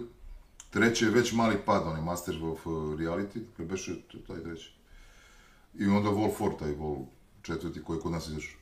Ali svakako su, e sad da su oni zacrtali, jesu sigurno uticali najviše na gomilu današnjih i već starih heavy metal bendova, ali bilo je tu grupa sa, element, sa elementima, sa riff grupe i to, bilo je dosta grupa. To je za da, koje to- narod to- nije to- čuo da, i- Kažem, tu, tu su i tako da je- znaš, ko, to je sad kao ono, ko je? Znaš, da li su Da, da, Black da. Sabbath ili su Barko Čak i ili... Zeppelin sa drugim, ali ono, i Zeppelin sa drugim, znači, znaš, to je... Sve da, diskutabilno. Vrlo diskutabilno. Yes. Znaš, ko je, ko je u stvari prvi? Mislim, nekako su oni stvarali u isto vreme i nekako je to bio, u stvari, logičan razvoj tog zvuka koji su imali, Da, da. Znaš, jer je svaki, u stvari je svaki novi album bio sve čvršći, s- a i sve, ali i sve bolji. Da, da. I to je jednostavno prijalo ono toj publici koja je zato i prihvatila tako, zato što oni, znaš, ne znam, E sad skačem sa teme na temu, pričali smo ovaj, da nije, mislim, nema takmičenja u umetnosti, ovaj, ali imamo tu, da kažemo, top list 500 ovaj, billboardovih i oni su stavili skoro na prvo mesto What's ne Going On. Ne slažem se s njom. Da, da. Ovaj. Marvina Geja su Da, stavili šaraju, na, na prvo mesto su stavili Marvina Geja i ovaj, taj album stvarno u nekom smislu ovaj, je drugačiji od, i od njegovih, a inače od, od dru- drugih umetnika soul muzike, zato što je dosta ovaj, tu stvari osvestio, da kažemo, što ekoloških, što, da kažemo, nekih socijalnih nepravdi. To je možda bio prvi album te vrst, tog žanra koji je govorio tako nekim stvarima, ovaj, do tad se nije to o tome ta, tako pričalo. Jeste, slažem se, ali, ali ne znam da li zbog toga za taj album zaslužuje da se nađe na, na prvom mestu. Na prvom mestu Da, liste. slažem se. Realno, Da. mislim, volim i Marvina Geja i, i, i album je definitivno je remek delo, ali što se mene tiče imam bar 10 albuma drugih koje bih stavio na prvo mesto te liste da se ja pitam. Pa to se stalno i menja, non stop Pa menja. menja i se, tako ali da- ne, ne znam, go- video sam taj, tu poslednju njihovu kao listu koju su sastavili, međuvremeno su ubacili ne, neku tu noviju. Mešaju neke- žanrove, rade žanrove, ovaj tako neki- neke stvari. Znaš, kao, ako govorimo o 500 rock, Tako je. Album, najboljih rock albuma svih vremena, ja tu ne vidim mesta za Ni za James Browna, ni za... Jay-Z-a, Jay-Z, a da, za Jay-Z-a. Jay-Z-a, Da. Beyoncé, već ne znam, ovu celu ekipu, Kanye, ni Storm nije Kanye West već. Ne znam, To neko, ne, ali znam da sam video ono kao neki od, ne, neki od tih izvođača koji, pritom se to što oni danas izvode zove R&B, to nema veze sa R&B. Da, ritam i Prvo blues je to bi rekao ja za blues. Celtic, da, da, da. da. Da, to nema veze sa tim, Da, da, znači, da. nikakve. I, I mislim da, da, znaš, kao mogu da naprave 500 al, najboljih albuma svih vremena, nemoj 500, 500 rock albuma, da, da stavljaš nešto što stvarno nije. Znaš, ipak su, sad već postoje, postoji mnogo podžanrova i u rock muzici. Nekada je bilo to mnogo jasnije, znaš, imaš soul, imaš funk, imaš ritam i blues, blues i rock.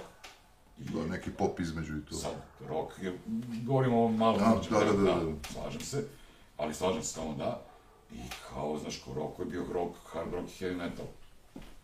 I kao, okej, ali ako već definišeš nešto kao rock, onda nek ostane to u, u, u okvirima tog roka. Tako je. I tu ne može da se nađe ni Znači može broj Ja, 1 tamo soul muzike, ali... upravo to. Da, da. Pa jeste on soul, ide ka funkiju, soul funk. Napravi, ne znam, do 500 albuma soul muzike, Da, da, da. pa stavi. Mislim, vratno se ne, ne bi našli toliko ali dobro. Mislim, Znaš, ne sam- ne večeras ali... baš sam, baš smo pričali nas dvojice kad se vraćao, pošto sam sa posla pravo došao ovde, ovaj, izvan hit srede na, na, na 200 dvojici, Bruce Springsteen je obradio uh, pesmu Commodore sa Night Shift, koja je posvećena upravo Jackie Wilsonu i Marvinu Gaye. Znači, i gde pominju, pe- pesma počinje, tekst počinje sa Marvin, znači obraćaju se Marvinu Gayu. Pesma je genijalna potpuno, meni je najdrža pesma Commodoresa, znači, bo, bolja mi je od, čak od kompletnog prethodnog perioda koji, sa Lionenom Richijem, jer je to prvi album koji su objavili po odlasku Lionela Richija iz, iz benda, i meni je to najbolja pesma koju su napravili u celoj karijeri Commodores, i Springsteen je sad obradio, jer priprema taj album, odnosno objavit će album obrada soul klasika Springsteen. I te, to je sve fino, super kao. Ali to nije taj žan više. Da, da. Ja nisam znao da pesma Easy je njihova original, ja sam Da, mislio da je Fate No More original, Da, ono, i nisam da, da. pojma, da, da, da. A Ja recimo, čak razmišljao da napravim, izvini, ovaj, da napravim ono, još dok su kasete postavile, ono, 50 obrada ove stvari, 50 one, ko, koja beše pesma jeste da ima najviše obrada na svetu. To i ja mislim da, Yesterday Toliko i... ima toga. Pa mi imamo emisiju na radiju. Mi imamo emisiju na radiju koja ide nedeljom popodne i koja se zove Imitacija. Aha. Gde emitujemo originalnu numeru i, I- dve obrade. Aha, I To odlično iz nedelje u nedelju tu, ima, mislim, gotovo svaka pesma koja je ole značajnija je doživala neku, neku obradu. Baš smo pričali o tome u prošlom podcastu sa ovaj, Katarinom i ovaj, Stefanom i ovaj, ja sam spomenuo kao da mi je bolja obrada The Man Who Sold the World od Nirvane nego David Bowie. Sad to je pitanje i ukusa, ali meni se sviđa onaj uživo nastup i ovaj... Mislim, ja ću ti kažem, meni je odlična, meni je odlična verzija bio električnog orgazma, ali, ali meni najdrža verzija je Lulu, verovali ili ne da neko soldaju. Znači, Da, čak i ne znam, znam Lulu, ne znam verziju. Lulu je, Lulu je, i to je Bowie je naterao da, i to je čak, čuvena priča, postoje oko čitave te, čitavog tog snimanja njenog, da meni, meni telefon zvoni sa, sa saksofonom iz The Man Who Sold the World Lulu verzije, imam taj single i dan danas, a, a, Bowie je, pošto je on isproducirao taj, taj snimak, a, i želeo je da njen glas zvuči što grublje. I onda je terao da peva, i onda ona peva i on nije zadovoljan, onda se izlazi napolje i on je terao da puši cigarete. Da je glas dobio ne neku da glas ili da, tu, grubost. I on je bilo pozor, kao popušeš da sam kutiju cigareta, ono, kao nije normalan bio otprilike, maltretirao me, ono, da bih dobila glas koji je, ali meni je odlična verzija. Nirvana je dala, uh, uh, opet je tu je, uh, o čemu se radi, neka, neko moje razmišljanje, pošto sam stvarno, mm, sam naslušao sam se mnogo muzike, kad ti snimiš pesmu u nekom periodu, znači pričamo o 60-im, 70-im, i onda dođeš u 90-te gde su se pojavili pojavile nove tehničke mogućnosti, nove boje, novi, novi, nov način produkcije, nov način aranžiranja i prilaska celoj stvari, jednostavno u vreme kad je Bowie snimao The Man Who Sold the World nije, po, mislim, nikome nije palo na pamet da tu gitaru odsvira sa nekom distorzijom i ne znam sa čim i da dobije tu težinu koju je, znaš, ono, Bowie je imao u tom jednom periodu u periodu Ziggy Stardusta i šta ja znam, i Ronsona i, Da, je i potpuno neverovatne gitare koje su tu snimane, ali nisu još, ni oni nisu, nisu postojali procesori, nego si ti imao Gibson Les Paul i Marshalla ili ne znam Fendera i Voxa i kao, znaš, uključiš se i kao nađeš neki gain i neku boju i podesiš tu gitaru i dobiješ sad nešto, kasnije su počele, počele se pojavljuju od Vah Vaha pa nadalje svih tih raznih uh, pedala koje su davali taj zvuk i način produkcije gde, gde je Nirvana dobila tu neku težinu i, jer to jeste pesma koja treba da ima sve to što je dobila u tom snimku Nirvane, definitivno. Meni je jedna od najdržih bovijih pesama, definitivno do dan danas. I to jeste genijalni snimak, potpuno, ne to je, ali Električni orgazm ima odličnu verziju na La Ch- Chanson Populaire albumu The Man Who Sold the World sa interesantnom varijantom, završava se na prvoj strani, ide u fade out i onda se na početku druge strane nastavlja Aha. iz fade ina, kraj the World. Vrlo interesantno kako recimo ti, te obrade nekih bendova iz 80-ih godina koje su bile, da kažemo, onako lagodna muzika i sve su postale mračne u 90-ih ili 2000-ih kad su ih obradili, recimo Mad World od uh, ovaj, Tears for Fears, kad je obradio Gary Jules i mnogi smatraju da je to čak, eto, da kažemo, bolje, ali mnogo je mračnija nego original pesma, ovaj, I to je zahvaljujući filmu Donnie Darko, ovaj, ta pesma je postala, da kažemo, ono, A znaš kako, 80. su bile vesele. Znaš, 80. bio je period, kraj 70-ih je bio taj period panka, Da. gde je došlo do tog bunta i a, ali ni čak period panka nije bio mračan. Tako je, bilo je veselo. Bio je, da, bio je Ludo. polujenički, ali je bio vesel, ludo, Da, da, da. potpuno. Da. Znači, anarhija totalno. Da. Klinci su bili protiv svega.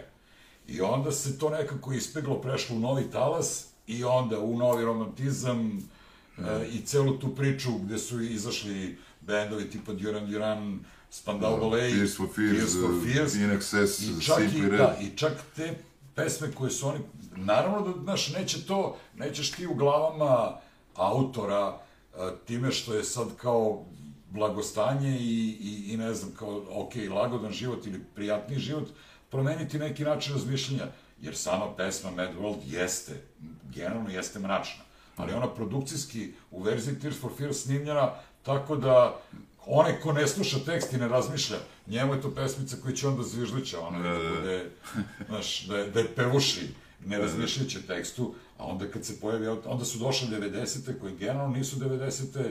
samo kod nas bile godine krize i mračnih dešavanja. Znači, u čitavom svetu je već tu krenulo ono nešto. Tako da mi je potpuno, i to pojave granđa, da, da. bendova, cele scene Sijetla i tih bendova ovaj, koji su po, uz Nirvanu izleteli gore i onda mi je i sasvim normalno da će neko ko je čuo nekad tu pesmu i shvatio tekst da će sada i uradi na taj način. Da ona dobije svoju pravu dimenziju, u stvari, da tako. Jesi mi ti rekao za neku pesmu Stonesa da je neko, za koju nisam mogu da verujem, da je neko pre njih, ovaj, Ili za koji band si mi rekao, ono, pre neki dan, da... Nije ih dosta. Izvuku si neku pesmu, ono, koja je bila, ne znam, i 60 neki, a neki band se proslavio sa tom pesmom, ono, mislim. Ma da, ne mogu setim u tome. Da, a taj band, niko, niko nije čuo za taj band, tu, mislim, original. Da, da, da, pa ima, ima takvih slučajeva, da, da, ima, ima mnogo takvih slučajeva, znači je bilo tih bendova koji su bili, ono... Ljudi čak i ne znaju, masa ljudi ne znaju da to nije njihova pesma. Da, One da. Hit Wonder, ili čak nisu ni bili hit, ali je pesma bila dobra, jednostavno nisu prošli i onda neko, pa mislim, meni je da, tipičan primer, ovaj, uh, pesma se zove uh, I'm left, you're right, you're, uh, she's gone. Uh, I postoji verzija koju su radili uh, uh, James Dean Bradfield iz Manic Street Preachers i Tom Jones. Zajedno, a ne, odvojno. No. Ne, ne, zajedno. A zajedno? Zajedno. I oni pevaju, to je, ali to je fenomenalno. To je, meni je to, naš dva glasa, Tom Johnson onim svojim glasom i, i ovaj predstavljati iz Manic Street Preachers i njegova gitara, znači zvuk generalno Manic Street Preachers, ali to je pesma koja razbija, koja te nosi, koja je, a pritom ima taj catchy tekst. I'm left, you're right, she's gone. Da, da, da. Znaš, kao u stvari, nije ja sam levo, ti si desno, nego ja sam, bio sam, ja sam pogrešio, ti si u pravu, ona je otišla, kao ostavila me. I ja sam bio fazonu, kao kakva dobra pesma, ko, Ja nisam znao da, da, da, je uopšte... da postoji nije... prethodna verzija te pesme. A pritom sam mislio da sam poznavalac lika i dela Elvisa Prislija. Znači, Prisli ima verziju pesme. To je country, pesmica, koja ne zvuči ni približno ovome. Ali ni, niti, niti te nosi. I zvuči mi kao da je kao da su prisli ono iz motela ono dovukli, probudili ga i on je to otpevao i neki muzičari su to odsvirali u Memphisu i kao to je to je, eto. I kao objavljene kao bez strana nekog singla ili već nebitno. I onda su, onda se neko dokopao te pesme, odnosno ova dvojica koja je već to uradio i napravio takvu hitčinu da je to, ali sa koliko sa, ne znam, tipa 30 godina distance. distance. I to je to, to je ono što, što omogućuje sad i, drugi, e, i drugačije razmišljanje današnjih muzičara. Uh, dobro da ne idem sad u ono preterivanje da sa to sve može da se uradi na kompjuteru, ne treba sve da se radi na kompjuteru i ne treba sve da se svira, snima kod kuće u kućnim uslovima, koliko, kakve uslove da imaš, ne znam, kakvu karticu i kakve instrumente. E, to pokušavam da objasnim današnjim nekim klincima koji mi svakodnevno šalju neke snimke. Kao, znaš, super ste i dobro svirate sve to, ali niste toliko genijalni, znaš, bendovi tipa, ne znam, Rolling Stonesa ili ne znam već koga, i dan danas, kad snimaju album, pozovu producenta sa strane. Dođe čovjek sa strane koji će da ti kaže šta, kako i gde treba da uradiš i onda će to da bude Ta priča, da. da. Beše naj, Rodgers, beše onaj šik. Je on beše, na Rodgers. Je on beše s tom se radio? Da, na ne samo njih, ne samo njih. Da, on je od, od šika, pa do dan dan sa, sa ovim vikendom i, i, i sa ovim ostalim, mislim šta je sve napravio u Mislim da sam se setio pesme Child in Time, da sam i za nju rekao, da nije od... A, to je- in Time to je- da, da, da, to je- da, da. To je, pa dobro, to je u stvari Oni su čak to- sudili, sudili oko toga. It's a beautiful day je ovaj... Tako je, je Da, da, da, da, eto. Pa je nisam znao, u moru ti suđenje da je-. Da, Da. da, pa i za Child in Time, i za Stairway to Heaven. Da, da. Ista priča postoji. Da, da, da. Da su to bendovi neki, ono, kao imali, međutim, niko, niko nije dobio zvanično, je to, nisu uspeli da ih dobio na sudu. Bila su suđenja oko autorskih prava. Ono što je meni bilo smešno, postoje fragmenti, ono, neki koji su Da, onaj početak jeste isti. baš ono, da, da. da. Ono što je meni bilo smešno jeste da je Nirvana obradila Parni Vajak. Imaju jednu pesmu, ono, da su je obradili. Mislim, vidi se da je obrada, prosto. Isto je. Da, da, da. Samo ne mogu sad setim naziva ovaj pesme, ali ima. Čekaj, to treba se napati. Ali to mi je nekako... Ali nema od koga. Nije mi nemoguće zato što je ovamo bio Chris Nov, Novoselić, tako? Da. Da. I onda mi nije nemoguće zbog te Da, relacije. moguće da je on čuo, da, da, da, da, da, sam je stvarno čuo. porekao da je čuo, da ima prilike da čuje to. Da, da. A eto kad smo kod tih, sad ima i- jedan fenomen se pojavio sa serijom Stranger Things, Kate Bush je izbila na prvo mesto, njen hit. Potpuno posle- nevjerovatno, Running da, Up That Hill, da. Da, da, da. Da, potpuno omiljeni album. zahvaljujući seriji. Ta pesma je sama po sebi već genijalna i ona je bila hit i u to vreme kad se pojavila, Da. ali čini se čak manji hit nego što je danas. Da. A onda je Da. upotrebljeno u tom traileru za, za Stranger Things, nikako da odgledam tu seriju. Ja sam, Pa mislim, meni čer, čerke me ono, uh, ovaj, ono, stalno me, mi pričaju o tome, ali ja sam, ono, fazonu moram da sednem i na miru. Nisam pratio od početka, sad te četiri sezone treba videti. Međutim, uh, kad se pojavio trailer, meni je, da, Saša, čerka moja starija, poslala, i ja sam bio u fazonu, ovo je fenomenalno, šta je ovo? Pa kaže, to su Stranger Things, to treba da gledaš. Pa rekao, čekaj, ti znaš šta je ovo? Kaže, ma da, kao ja, meni je poznata ova pesma, ali ja ne mogu se... Pa rekao, možda si čula, ne, slušala nekad u kući, ono, dok si odrastala. Kate Bush, Running Up, imaš ti to? Pa rekao, naravno da imam. I potpuno je, da, to je potpuno fenomen. Da za je Guinness, ona- da, da. da je ona skočila, da je duže čak bila na prvom mestu nego u vreme kad se pojavila. Ali u vreme kad se pojavila Running Up That Hill, budimo realni, To je isto 85. taj. bilo je toliko, pričali malo. toliko, Hounds of Love album. znači, toliko, stvarno dobre muzike. Jeste, pa i zato nije toliko, jeste iskočio kao album i malo je konceptualni, malo je Hounds of Love je svašta nešto, ima stvari A vrlo interesantno za nju je da... teških i to nema veze sa komercijalom, nema, Da, to je da. cloud busting, ono, isto Jest. stvar čuvene, ono, ali je, sport. ali, tako da, Ali vrlo interesantno za nju je da je ona prva žena koja je došla i izbila na prvo mesto sa, i to sa maltene prvim hitom, ono, imala je 19 godina kad je Wuthering Heights no, izašao. orkanske visove, Da, da, to je, da, da. I ovaj, to je bilo 78. a 85. je izašao ovaj album što si ti rekao. Pa imala je, ona je imala vrlo, inter, ima, ima vrlo interesantan za, za to vreme način pevanja, pre svega, Da. sa Wuthering Heights posebno. Da. i, i interesantan aranžman. Pritom melo, melodijski, to je bilo neko vreme kad je, čini mi se kad su melodičnije stvari danas, mi je, s obzirom da čujem šta je sve i da pratim top liste, ja često na, na u vrhu top liste vid, zatičem numere i čujem numere koje su meni kakofonične, realno. Da. Znaš, tu ima svega i svačega. I onda još kad vidim ono, kad pogledam, da sam nešto relativno skoro gledao kao Beyoncé, i sad kao autori pesme, potpisano njih deset. Znači, pesma ima tri akorda. Znači, melodijsku liniju koja je, znači, toliko jednostavna da ono, i ima neki tekst i nešto, ne znam što sad već, kaj kao da ne kritikujem previše, ali sam stvarno, sam, znaš, zapitam se, Saboga, šta ste vi radili svi tu? Šta ste, Da, da, šta ste, šta ste, svako je po jednu notu napisao, znaš. da. A, a, I još postoji sva ta digitalija i sve te mogućnosti gde ti moraš da, da, gde ti možeš u stvari da upotrebiš hiljadu nekih pomagalica koje će ti ispraviti, od ispravljanja falša do, ne znam, ono, dodavanja produkcije. U, u to vreme, kad govorimo o Wuthering Heights ili, ili, ili Da, o su kraj Running Up 70-ih, That, that ono. Hill, Znači, ne, imaš muzičari koji će to, imaš nekog ko to treba da napiše, nekog ko će da raspiše aranžman, i muzičari koji će to da odsviraju, tonca da snimi, producente da uobliči. Eto, tu je ta genijalnost. Ja sam baš i to pore, poređio, napravio poređenje ovaj, na stranici gde sam stavio kao pesmu Beyoncé i to što je bilo 10 ljudi potpisano i Queen i onda to kao eto te, razlika mislim. Eto. Ali ovaj, kad smo kod tih, ajde da kažemo 80-ih pa i kraj 70-ih kod nas kao da je to bilo da kažem zlatno doba jer tad su se pojavili najznačajniji maltene bendovi, ne znam, Azra i Čorba su 78.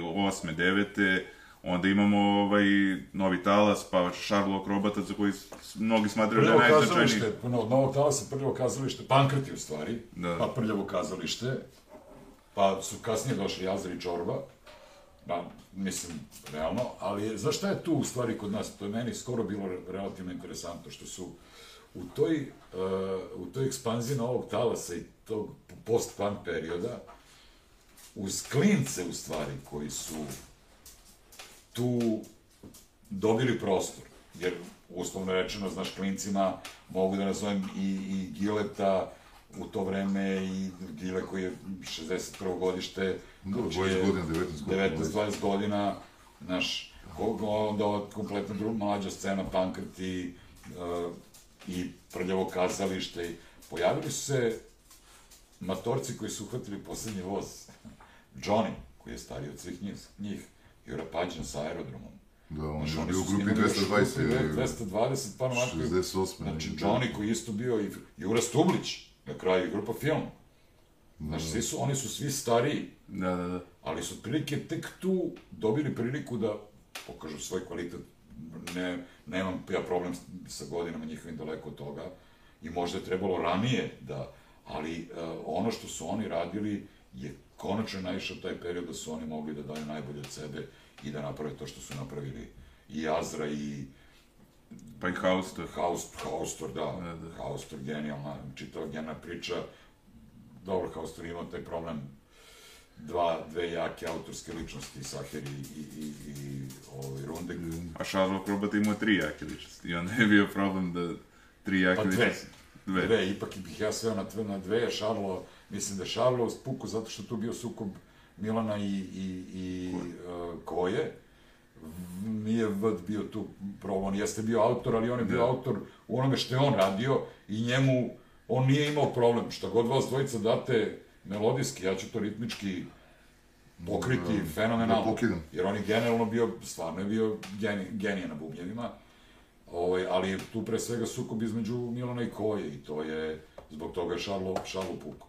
Ali se oni tu, znaš, Šarlo, album, taj album Šarla Krovate, Bistri tupli čovjek biva kad je u stvari eksperiment. Jeste to genijalno i sve, mislim, jer ja mislim da čak, oni čak i da su ostali zajedno, da drugi album ne bi bio ni blizu tome. Da, da, da. Pa za mnogi bendovi bi tako bilo, ono, da, mislim, raspade su se kao na vreme, pa nisu pokvarili, ono, Tako je. svoje uti... Tako, tako je. Nisu pokvarili utisak koji Da, su da, da. ostavili. I da su neki muzičari, eto, nažalost, prerano preminuli, pitanje šta bi bilo kasnije, pa su postali takve legende, ono, kao nisu se prodali, nisu ovo, nisu ono, nisu imali ni vremena. To, da. Ali koji naš bend, e, vi ste rekli da e, nije vam bilo u početku važno da čujete reči, nego muzika i tako to, da li bi neki naš bend mogao u inostranstvu da ostvari neki uspeh? Mislim, nismo baš imali neke primere da su naši bendovi ostvarivali uspehe po svetu. Smak je probu u Americi, e, ne znam, Iceburn, eto, oni mi padaju na pamet, da- pošto oni imaju pesme i na engleskom, pa, mislim, Pa, to je... A znaš šta, u, tu, u, u, u to vreme o kojem pričamo, mi spomenuli smo malo pre da, da se pričalo o tome da je Jugoslavija na trećem mestu, Da, da je scena u pitanju. A, prvo, tu je suviše velika industrija. Znači, naš a, Smak je bio genijalan, svirački, genijalan bend, čak i, i muzički, i mogu, ne samo Smak, nije Smak jedini, ako, makoliko da ih ja volim. Bilo je grupa koji su kvalitativno bile jako dobre kod nas i muzički, a, sad tekstualno, to su neki naši tekstovi, svi ti tekstovi mogu da se, da se prevedu i da se otpevaju na engleskom. Ali ne možeš ti uh, u to vreme naročito, to nije bilo vreme globalnog sela, kakvo je danas, gde ćeš ti da postaviš svoj snimak na YouTube-u i vidjet ćete i neku u Japanu, i neku u uh, Sjedinjenim državama, i neku u Australiji, nego je bilo vreme kad ti moraš da odvojiš neki period i da odeš, da ostaviš sve ovde i da odeš tamo. I ne da odeš tamo i da budeš nedelju dana, sad ćemo mi vašu, mi imamo novu ploču i sad ćemo mi da vam odsviramo promo koncert i da kao napravimo ne znam kakav uspeh. Svi bendovi ovi mi, o kojima mi pričamo, od, ne znam, Dorsa, Hendrixa i, ne znam, Clapton i Cream, oni su svirali svake večeri po nekim klubovima, dok nisu stigli do toga da postanu to što su postali. Znači, gledao se dokumentarac o Claptonu, ja sam čitao i knjigu njegovu autobiografsku. To su bile konstantne svirke po nekim klubovima. Dva gde je puta za večer. Tako je, gde, gde je bilo 20-30 ljudi ili pijanaca ili ne znam već čega. Godinama tako. Da bi stigao do, do toga da bude Eric Clapton. Da, da.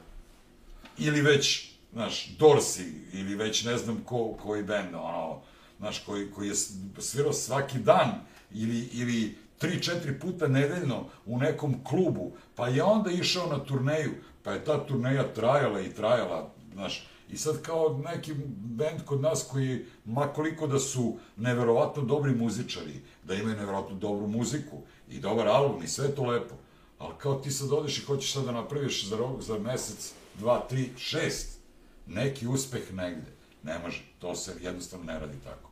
I mislim da je to jedini razlog. I u današnje vreme, ovo čemu ti pričaš, znaš, Iceburn ili, znaš, Iceburn bi trebalo da ode i da napravi turneju po, ne, kao Kojota, Kojota znaju i Kojot svira, Kojot ide na Jamajku i snima sa njihovim muzičarima tamo. I bude po par meseci negde van zemlje, radići u Holandiji ili ne znam već gde, ali da bi bilo koji bend negde napravio neku, neki veći uspeh, danas je to, kažem, malo lakše zbog toga što postoje sve te mogućnosti novih medija, ali ipak mora, znaš, on mora da bude, znaš, ne da svira po, po Srbiji, po festivalima, jedne nedelje, ne znam, u Užicu, pa onda sledeće nedelje u Kraljevu, pa u Valjevu, pa ode na Exit, pa na Arse, ili na Arsenal, ili ne znam gde. Ne, nego da obiđe tako Nemačku, Austriju, Holandiju, da bi u Evropi napravio priču o Americi, da i ne govorim. Pa dobro, stigli su svi do SSR-a i Rusije, tako da... Pa da, tu Tu je, tu je Bajaga. Tu je bilo. problem, da. Da. Dođe- Prvo Đorđe- Marjanović, prvo da. Đorđe Marjanović, da. Bio A je onda, koji boga mi. Ilja Čorba i Bajaga. I. Tunel, isto, znači, ovi su. Da, da. Naši bendovi su, da, da. Eto, tu bi moglo bude zanimljivo ona priča o Rodriguezu, koji je kao ovaj...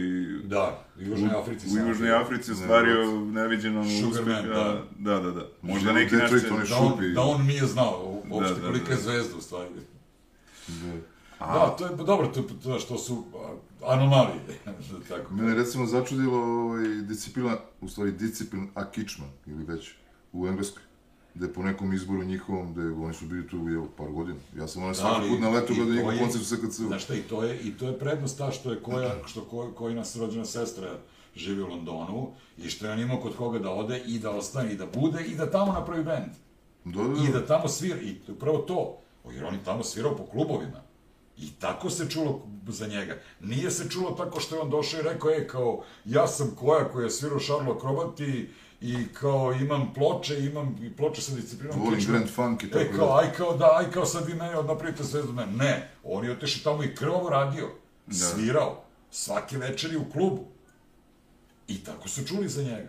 A po nekom izboru su baš ispali kao među najgorim bendovima stranim neki, ono, Pa- ne znam koji je, da li je, Da, ali kao daleko da je kažem, baš, su, Billboard ili... baš, su, baš su čuli, znaš. Da, da, da, ma normalno, oni su, što ti kažeš, cepali, ono, svako večer. Pa i nema nešto puno naših bendova koji su pevali na engleskom, da kažem, ili na nekim stranim jezicima. U današnje vreme ima, imaš dosta. Ima Stray mnogo, Dog. Mnogo novih, Da. imaš mnogo, ne, mnogo novih bendova ima i ja im stalno govorim, pa Iceburn. Evo, Da. Iceburn, da, Iceburn. Znaš, ja, ja, ja pitam stalno, ja nisam protivnik uopšte. Znači, to je izbor i nemam, nemam problem sa tim. Ali ih pitam, znaš, ima definitivno muzičara koji, i to mogu da razumem, govorim sad o, o, zbog toga što imam dve čerke koje međusobno komuniciraju na engleskom.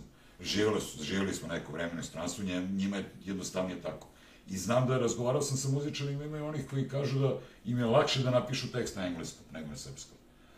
Ali na duži period, ako radiš ovde, a kao tako ćemo lakše da prođemo, nećeš tako lakše da prođeš nigde. Da, da. A, a ovde nećeš napraviti, napravit ćeš manji uspeh nego što bi napravio da pevaš na svom maternjem jeziku, jer i dalje i pored onoga što mi govorimo da muzika je osnovna ono što nosi, ipak na nekoj određenoj teritoriji gde se govori određeni jezik, pored te muzike, ljudi slušaju tekst. Znaš, ti moraš da budeš mnogo genijalan i mnogo dobru muziku da praviš, da, da bi te samo zbog muzike prihvatili. A ako ti živiš, ne znam, znaš, sad kad ja, ja živim u engleskom, a u engleskoj ili pevam na nemačkom, mislim, znaš, kao, ili ne znam već. Da, da. Zato što se lakše, lakše mi da se izrazim, aj probaj da se izraziš na svom maternjem jeziku, ili kao, izvini, nisi ni Santana, ni Satriani, ni Vaj, da ćeš instrumentalom svojim, ili sviraj onda instrumentale. Da, da. Nemoj da Pa da, baš mi je bilo... Zlatko Manojlović. tekst. Zlatko Manojlović. On je napravio, da, uspeh u Nemačkoj. Da. Da. Tamo na listi sa grupom, kako se zvala. Da, Jane, nešto, ne znam. Da, sad kad smo pričali na engleskom, setio sam se da mi u gostima bila i Sanja Lalić, koja njoj je prirodno da piše na engleskom, znači ona svira ovaj, i, klavir i Ja peva na ja engleskom. to razumem, Da, da, ja da. sve to razumem, Da, da. ali ajde ako, ako si već ovde, aj Da. pokušaj da se Da, da. izraziš, Da, da. I na, ili ako baš ono, nađe neko ko će da ti prevede te tvoje srpsko, prepeva te tvoje tekstove na srpskom. Da, da. Cukić je uradio fantastičan prepev Dilanovih pesama za predstavu, onu neku, Mhm, uh, već koje, ne, ne znam, da ne mogu se setiti kako se zove predstava, ali ja znam da sam ja bio iznenađen kad sam čuo kad, kako je obradio Don't think twice, it's all right. Da, mama je, ali mama je. prepev, on je uradio prepev, ali je zadržao smisao teksta. Ja sam, uh, don't, uh, nije dilema, nema problema. Da, da, don't, Don't think, twice, it's all right, it's all right. Ne mama, nego it's all right. Don't think twice, it's all right na engleskom. Nije dilema, nema problema. I Da, da. čitav tekst je prepevao. I ja kad sam čuo pesmu, bio sam fazonu, kako? Kaže on, mnogo mi je vremena trebalo, pomučio sam se, Da. ali sam je uradio. On je prevodio, beše Frank Zappa, pošto Ja ga ga prevodio, ne, oni... svašta inače- nešto stvari, da, bar Da, s tim. masa, masa ovih knjiga, biografija muzičara je preveo. Mnogi za Zapu ovaj, ne shvataju ga kao, mislim, fantastičnu gitaristu, ovaj, više gledaju, da kažem, reči, a on je bio fascinantan i gitarista. Zapa je... On je komplet, ono. Meni je, pa da, meni, On je- mislim, mo- na drugom ili trećem mestu možda najmanjenih izvođača svih vremena. On je bio sve. On je bio neverovatno dobar tekstopisac, neverovatno satiričan. Njegovi teksti su, tekstovi su generalni, imaju pre, ta neka prenosna značenja. Pritom je bio neverovatno dobar muzičar. Imao uvek oko sebe neverovatnu Ekipu. ekipu muzičara.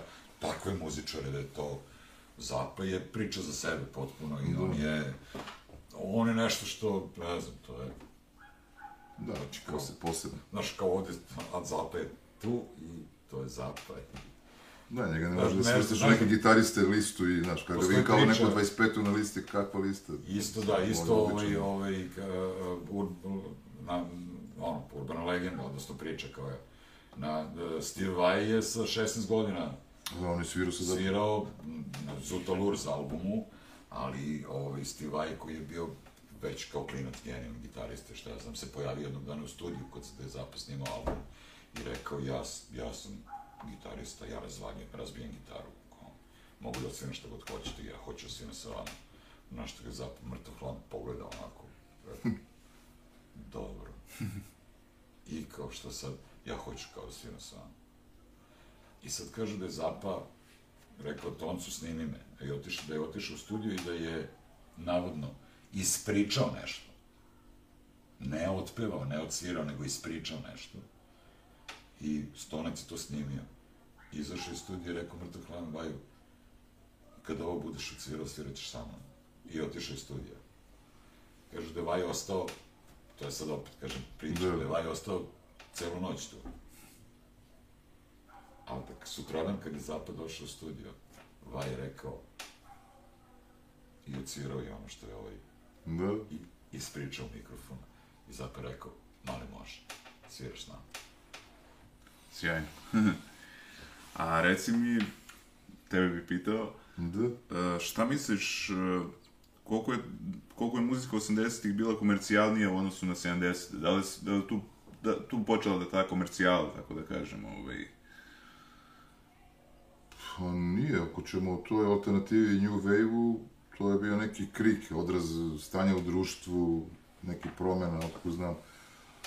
Kod nas i nije, ali polako to nestalo, to je po meni neko brzo nestalo, šta ja znam. I pretvorio se opet, e, tu je neki pop opet zavladao kod nas, neke bendovi, tako, mainstream ili ja ne znam šta bi stvari- rekao. Zavisi znaš. za koju, da li pitaš generalno za muziku, misliš Da. generalno? Generalno, generalno, Za ne, našu muziku. Ne, ne, ne, ne, za, uopšte u svetu. uopšte, uopšte, da. Jest, ne, onda su... A, u svetu, da, da, da. ja sam mislio da, na domaćoj. Da, da, da, da, mnogo, kom- mislim da je mnogo komercijalniji. Da, da. 70. koje su imale uh, neke pravce koji su ono, gde su bili neki, za, rekao bih, zalju- zaljubljenici u muziku i gde si imao kad je rock i ta neka Slobunjeve muzika neke u pitanju, imao si šlagere i već ne. Da, znalo se ko je pop, ko je hard, ko je A onda blues. su eksplodirale 80. sa novim, ta, sa New Wave-om u stvari Jest. i ovim, ovim novim romantizmom i tim bendovima.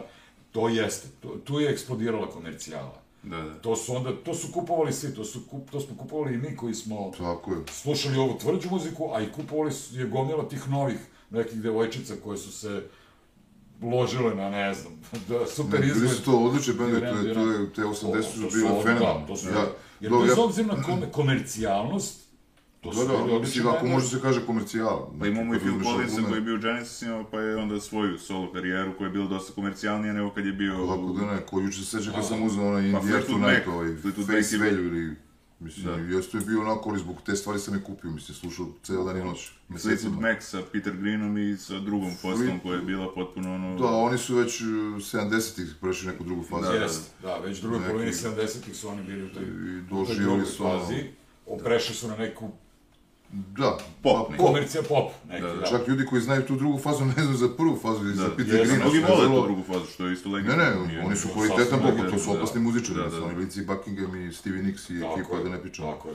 A š- 80 su bile vrlo, ma mislim, jeste bilo komercijala, ali to je bilo kvalitetno. ali tu, tu, da, tu se razvilo, tu se razvilo mnogo, mnogo novih pravaca, znaš, imao Da, si, da, da. imao si taj neki novi romantizam sa, ne znam, Duran Duran Double A, uh, imao- Human League, Human League, da. a onda a imao si ovaj elektro, elektro deo gde su krenuli Depeche Mode, pa Yazoo koji se izdvojio posle, posle od njih, pa, pa ovaj, uh, ove bendove tipa Tears for Fears koje smo pominjali, um, ne, Soft Cell, znači, Znaš, bilo je tu raznih tih žanrova, a egzistirao je, nastavio da egzistira i taj neki rock. U stvari, ja sam tad, moram da kažem, lično bio heavy metalac, ako se to tako zove. Da. Zato sam ja malo zapostavio alternativu i te osam, početak 80-ih. Malo sam se vraćao kasnije unazad da bi to sa žvakom, ali sam uporedo slušao sve to. I meni sve sam to znao, i Haustor i... Jasno pokazao razliku šta je Ljigaština, šta nije, bendova nekih, ono, ne, tako tad, da... je, tad je baš hard rock ili heavy metal bio u usponu, baš početak 80-ih, zato si me zatekao ono sa pitanjem. Baš sam htio da kažem da, ali ostao je taj neki hard rock i heavy metal koji je heavy metal koji je u stvari, u stvari takođe eskalirao 80-ih. Iste godine ti izađu i kod nas isti mesec British Steel, ne znam, Iron Maiden, ovaj, Killers i Ace of Spades Motorhead. O čemu pričamo sve, ono, na listama, ne na listama, realno, za tu našu generaciju. I imao si i prilike da ih vidiš. Da, Mislim, pa meni su rekli sam da koliko, Motor- 6-7 puta, Motorhead 3 put. eh, A znate da je Motorhead Saxon. posljednji koncert održao u Beogradu? Ja to nisam znao, to su mi rekli prethodni gosti. Motorhead smo, I- sam gledao zadnji put dobro Natašu sad. Da, to im je bio posljednji koncert. Natašu? Da, da. Mislim, ne znam da li taj ili kad su Znam zadnji za put- pokojnu Amy mislim, Van House, to znam. Da, je, da. Da, pa eto i Motorhead isto. Tako da, znam bio ono, Slam je pogodili flašom, ono, na jednom Da, ludak bacio ovaj, flašu, u stvari ovaj, kako se zove, eh, ne Wurzel, nego ovaj drugi gitarista njegov. Se izmakao i spustio gitaru, ali mi i dalje svira bas gitaru.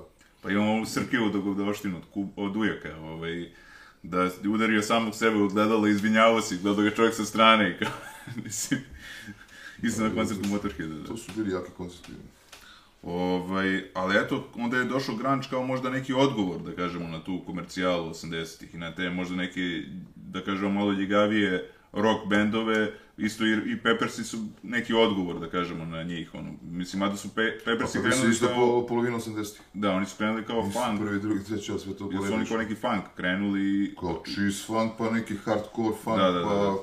Pa da bi sve, došli 91. do naj, najjačeg albuma njihovog, mislim, tako Sad da, ono, neki dan slušam, sad su izdali dva albuma valjda za mjesec dana. Već drugar sa posla kaže, ja, brate, si slušao u mesec Ljigu. dana, ali u, roku tri... Pa recimo. Nije meni, Mislim da, nije to, to je počelo sa Cali- Californication, jel? Meni je Californication odličan album. da ali ta vrsta mislim da muzike. su se oni prilagodili, samo se prilagodili trenutku. I Da. da. je to neki normalan razvoj. Meni to, meni su dobri. Dobri su mi albumi, ova albuma ove godine koji su objavili.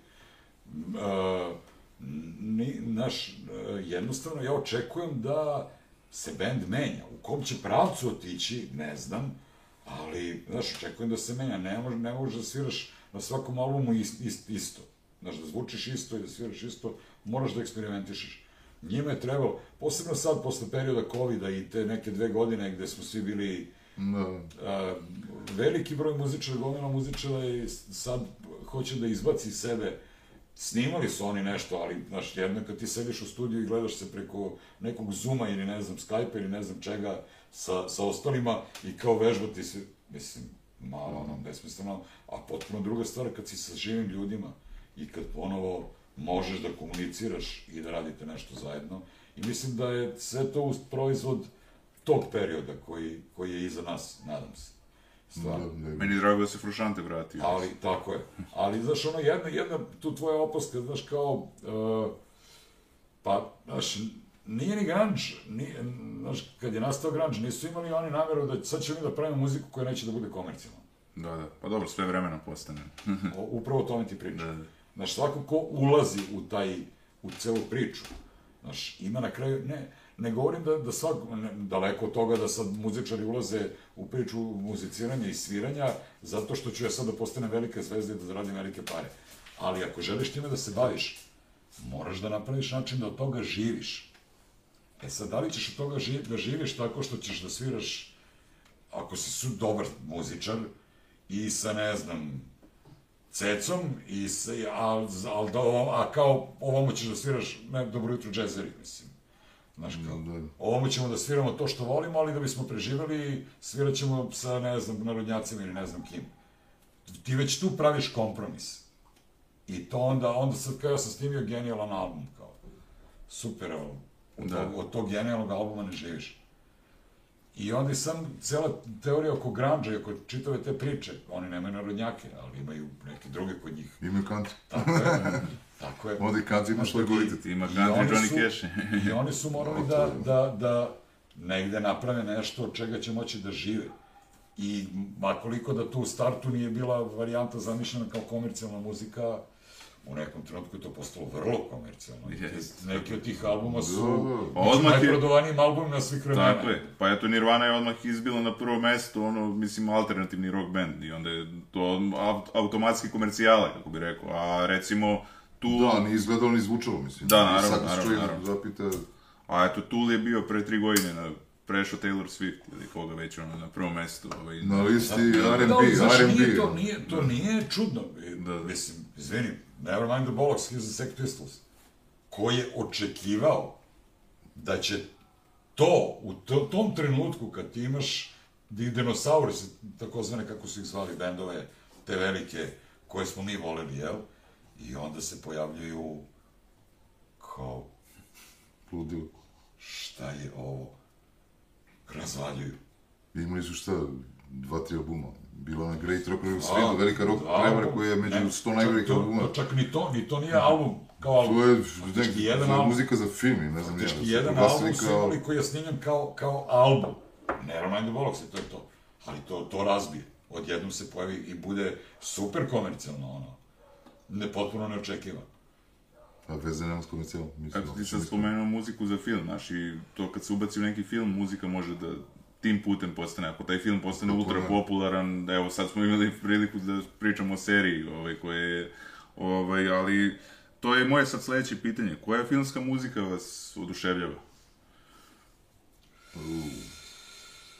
Dobro, ti si rekao za Neil Younga, Dobro, ali Ennio ne, Morricone, bilo jednom u Americi, to, mislim, a misliš ovako zbiljnije? da, da, da, Van može i ozbiljnije, ne mora da bude rock, ono, mislim, tako da, ovaj, Da, svako bilo pa Dead Man, E, znaš šta, e, ja mislim da u mom slučaju bar, bar to mnogo zavisi od toga kakav da je film. A, ovaj, Midnight Express, Da, da, odlično, da. ne znam, bio je relativno skoro taj film na HBO, ili to je film iz ne znam iz koje godine. Pa i 70 neki. Ima. Kraj, da. Glumac umro dejica. To je Giorgio Moroder, Da, da. Da, Znači, disko, koji je- disko on On je producent. Scarface. producent. Scarface je on. koji je disko producent. Kad smo već kod Giorgio Morodera i Cat People, Da, da. znači muzika iz filma. Da, da, Cat To je People. Giorgio Moroder. Znači, on Blade Runner, prva verzija. Prvo je isto on, jel?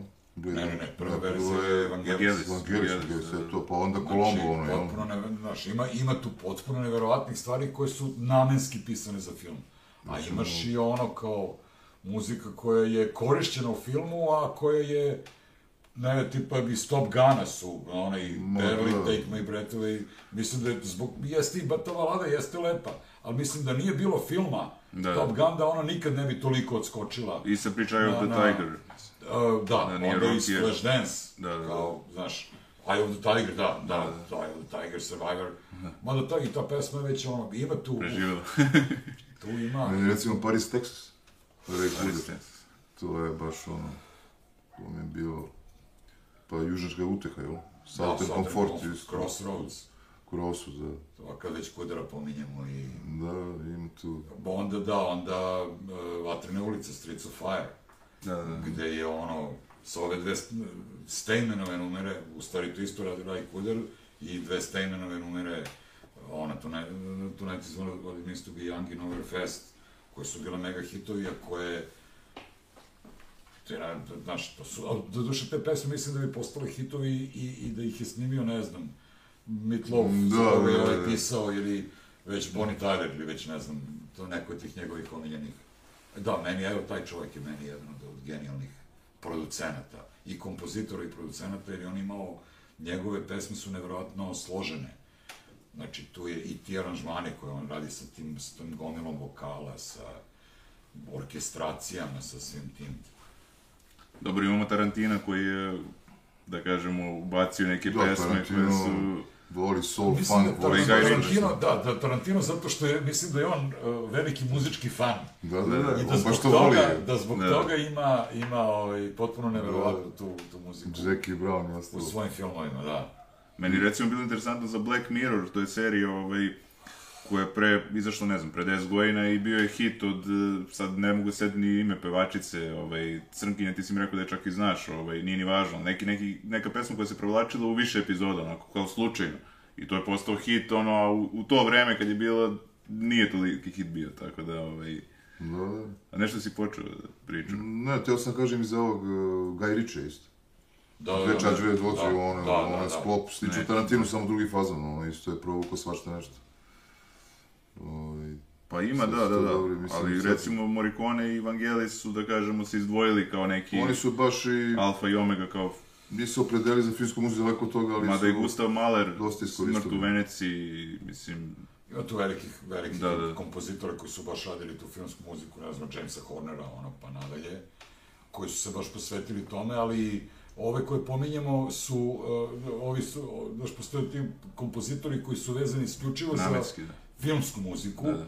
i koji su podobijali gomilu Oscara, ali ovi su izdvojeni, Moroder, Vangelis, jer su se oni bavili I, i, i ovom nekom što kaže, popularnom muzikom, da. znaš, od, ne znam, Moroder koji je napravio Donna Summer, Da. recimo, i ne znam, gomilu nekih Italo disco hitova, Evangelis koji ima od uh, Aphrodite's Child, pa nadalje ono karijeru ovaj, uh, sa, sa muzikom koja je bila prihvatljiva i bez filmova, nije Da, da, da. morala da bude u filmu, ti, ne znam, orkestracije za ne, gospodara prstenova, znači, ne, ne sedneš i slušaš, čućeš one numere koje zatvaraju, ne znam, ovaj, Eda Širana uh, i, i već ovo što, što je na kraju filma, kao ta jedna pesma, ali ne slušaš onu muziku koja je bila u filmu korišćena, nemaš običaj to da baš da sedneš i da Da, slušaš, dok ovi kompozitori kao što su Vangelis i, recimo Morricone, pošto eto njih smo izdvojili,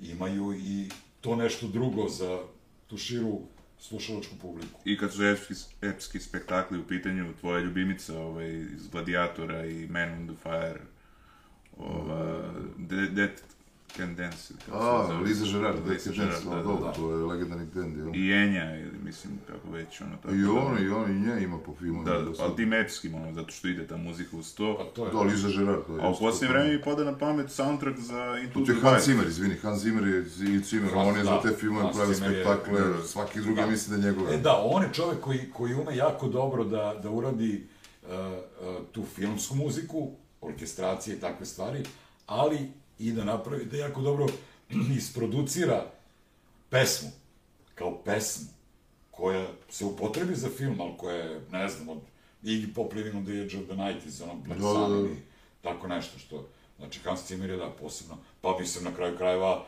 ovo što je uradio sa, sa, za James Bonda, ovaj, sa, sa, kako se zove, O. devojčica ova, engleskinja. Adele. Pa, Ne, ne, ne, ova mala, mm, mlađa. Za James Bonda je za poslednjeg, poslednjeg James Bonda film. uh, Aha, No Time to Die. da, da, nisam ispratio, pa. da, ne znam nije. Ne mogu se Uh, da, da, blokada, sećaš No, se. Da, nema veze, Dalje da, da, priča. da. Ali eto imamo novi, ajde da kažem, od novih, nije to više ni toliko novo, ovaj Eddie, Eddie Vedder, Into the Wild, odličan soundtrack.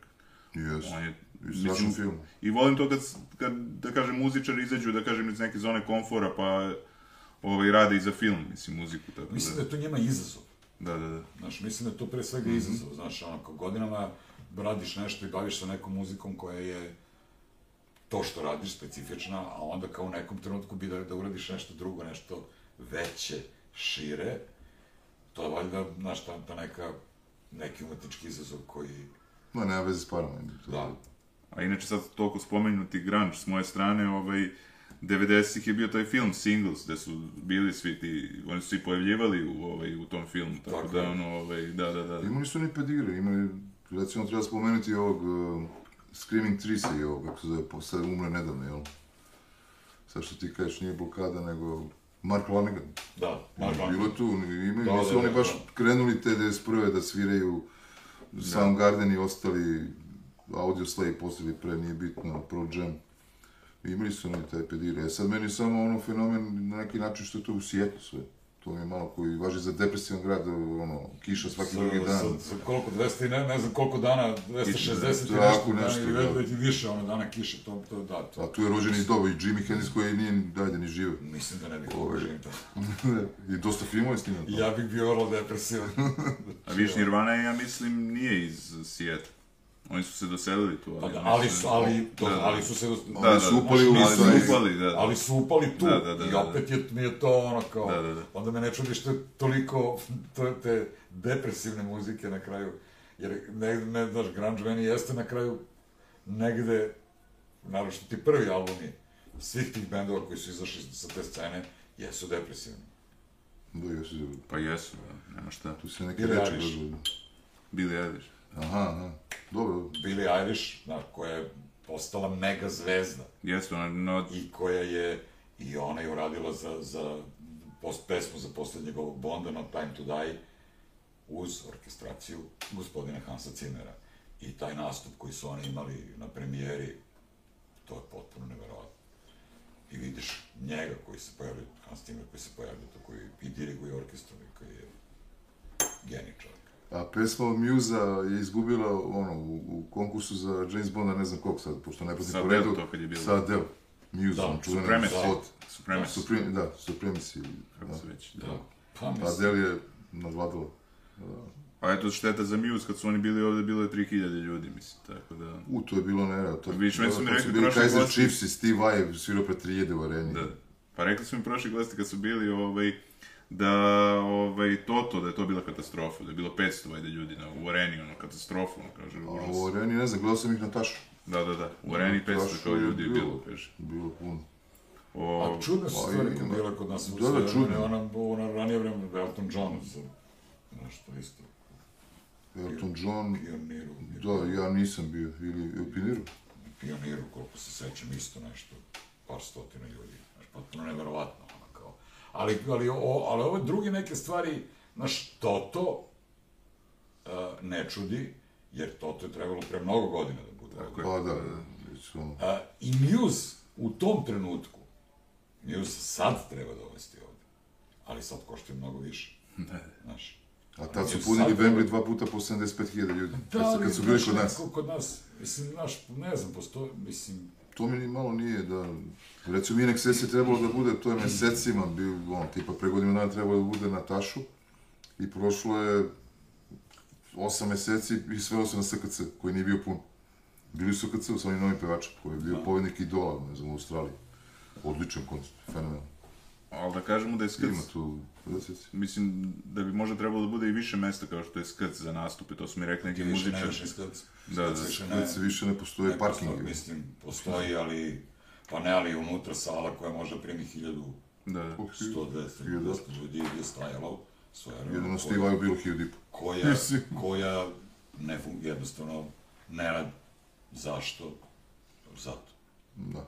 Znaš, ti više u centru grada nemaš mesto za svirku osim doma omladine. Tako je, da. Znaš, Amerikane koja prima 700 ljudi i one donje sale koja se ne koristi malte ne uopšte.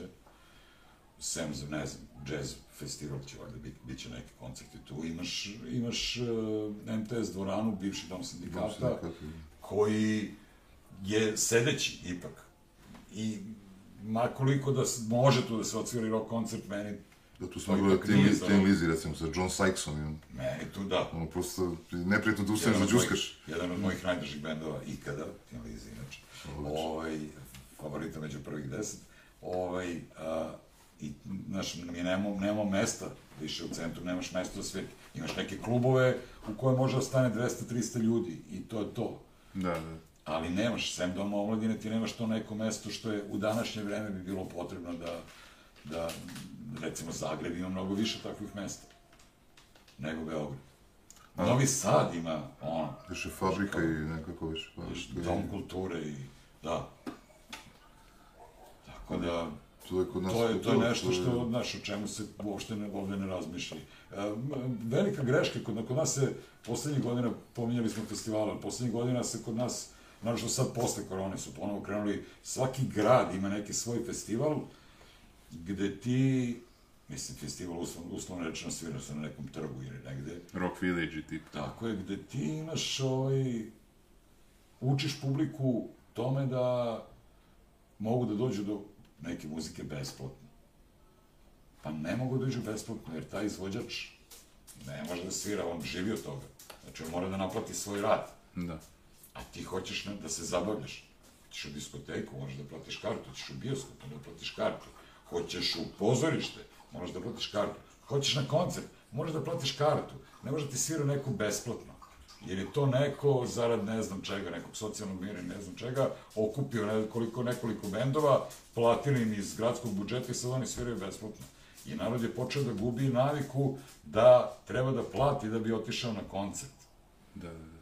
Znaš, ja nisam stvarno u fazonu sad kao sve treba naplatiti, ali mislim da ni to, znaš, mogućnosti u najviše. periodu besplatnog downloada, ovoga, onoga, ne može sve to da bude besplatno, jer da bi se to snimilo, da bi postojala ta muzička numera, moraju neki, neki novac i neki rad neči da se ulože i to mora da se ispoštuje na neki način. Znaš, ne ispoštuješ ti time što ćeš da kupiš ploču, jer koliko će da kupi ploču, a koliko će se nakači na, ne znam, YouTube ili ne znam gde, gde će to da čuje kao, upa, to je to.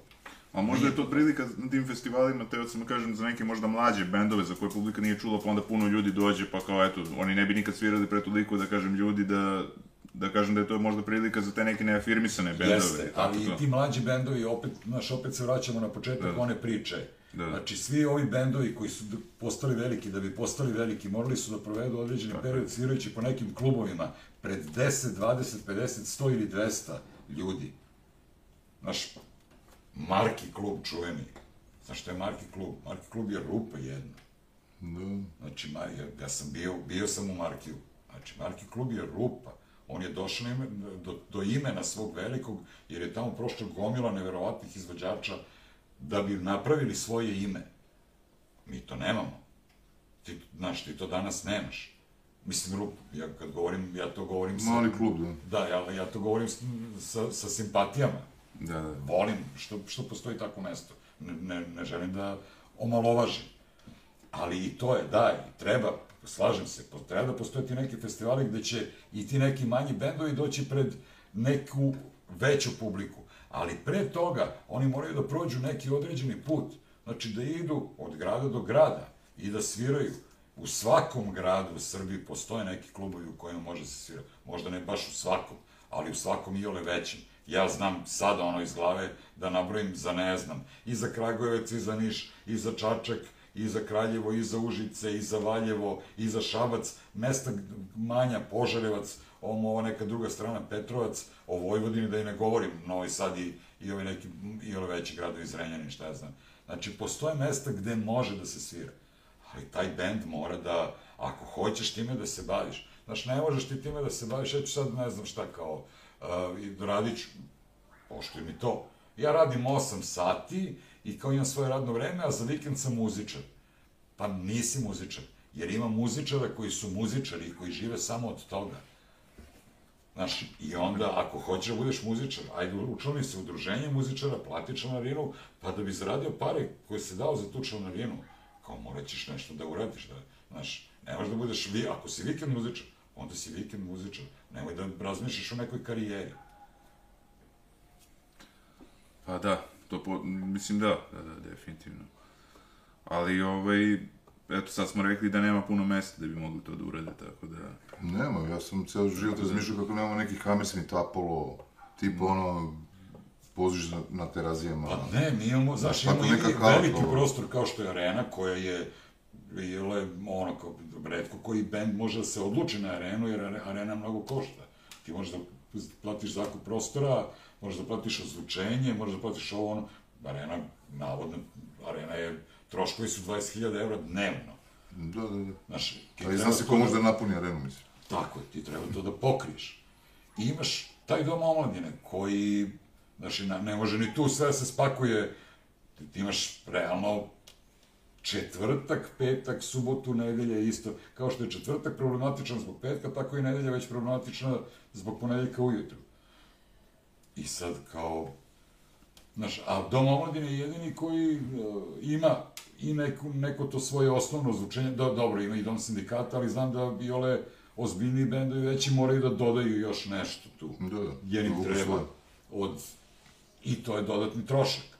I sad, to sve treba pokriti iz nekog prihoda ostvarenog od prodaje karata. Odavno već malo njih živi od prodaje.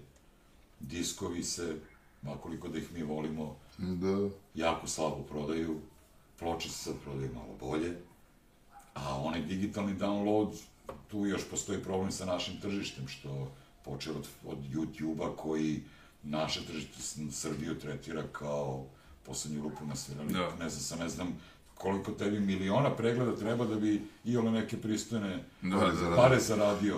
Da, da bi mogo da finansiraš uopšte nešto iz toga, Da. jer što je potpuno nemoguće, potpuno su drugačiji odnosi u, Americi ili ne znam, u da. Engleskoj, od pregleda na YouTube-u i kod nas. da, drugi algoritmi, znaš što kažu. Tako je.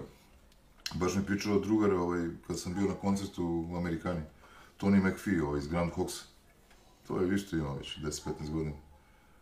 Znamo ga obojice i sa Berze, ovaj, da je izašao i za glavu, rekao, ja, brat mi uložio u koncert, bio 100 ljudi, ne znam, 50, dobro, tamo ne znam kako oni pokrivaju te troškove, kaže, u hijadarku smo u minusu, ne znam šta da radim.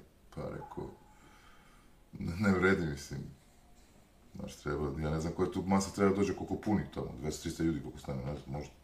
Da bi ti, da bi zaradio isplatio njega, njegova cena neki 2-3 hiljade, vjerojatno, tako ide po Pa, Evropi. mislim, znaš, to zavisi od cene karte, mislim, znaš. Pa, to je ono, Pa, tipa to je- hiljadu, gde malte ne neki 10 doma, evra, pa. domaći su skuplji.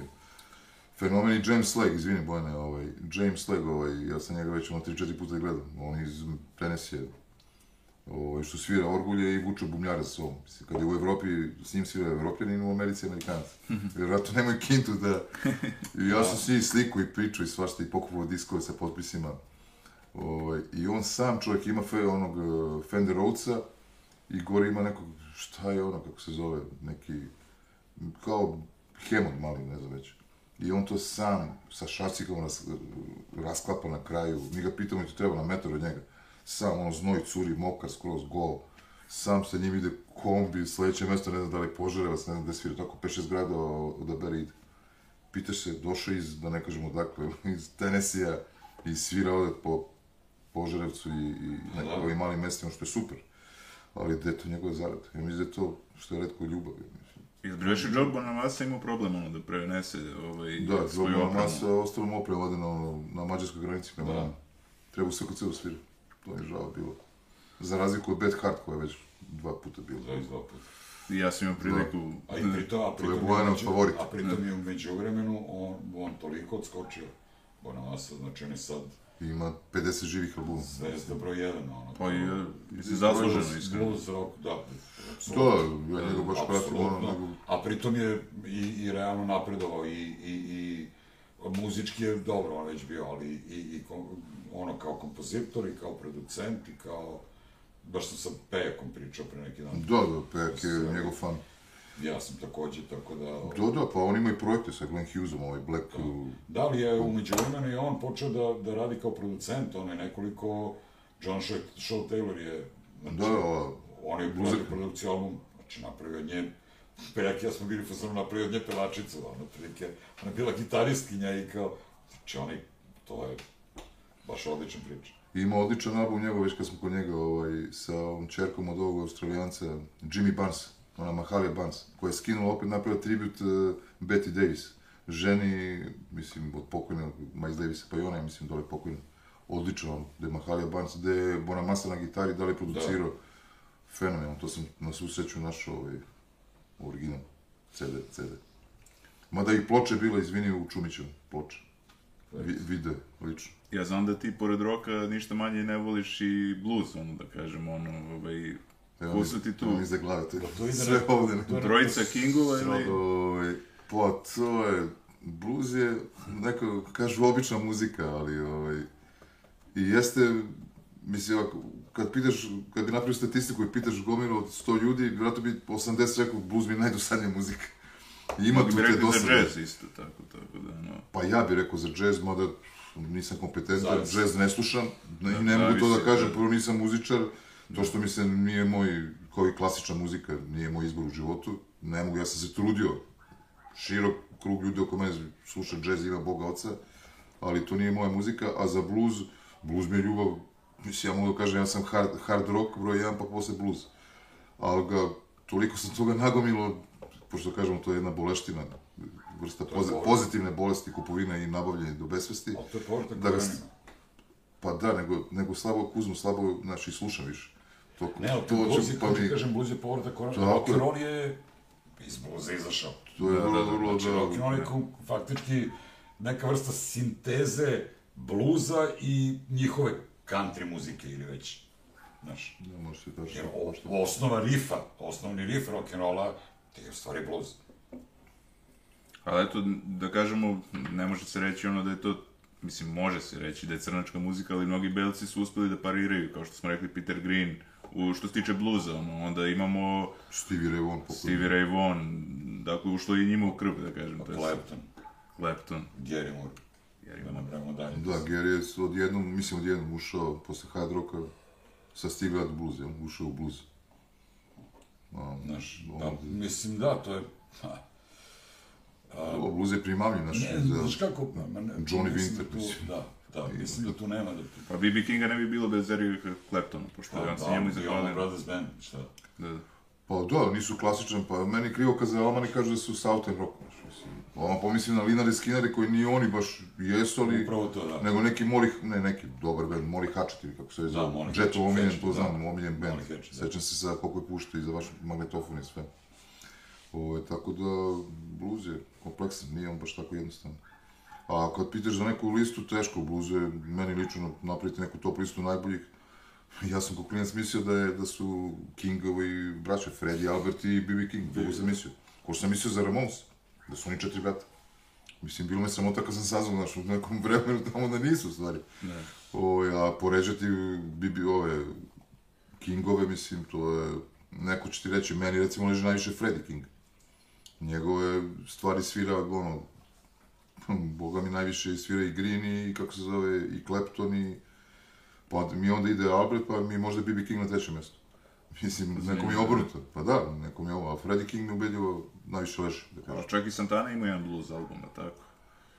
Santana ima samo jednu blues pesmu sa onom... Sam jednu blues pesmu. Tako je, As, as Tears Go By.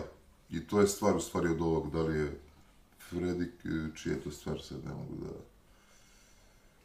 Otis Rush, ne, ne mogu sad, mnogo, mnogo ih je, to su tu i ima hiljadu, milijadu stvari. A on je kavere počeo da pravi na onim zadnjim albumima, mislim sad, blues manje više. Ali jedan blues u karijere je uživo u sviru. I to odlična verzija.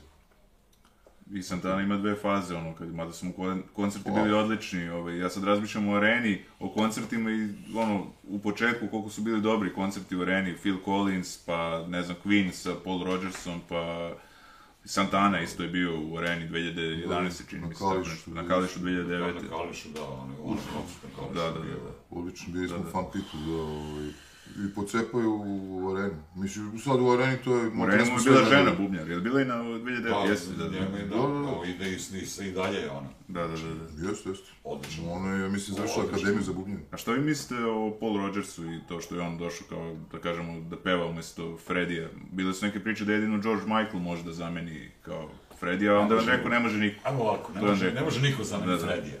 Ali, ali nije, meni nije daleko od pameti to da band, da će band nastaviti da svira kao promjene, mislim, a pričamo o Parku.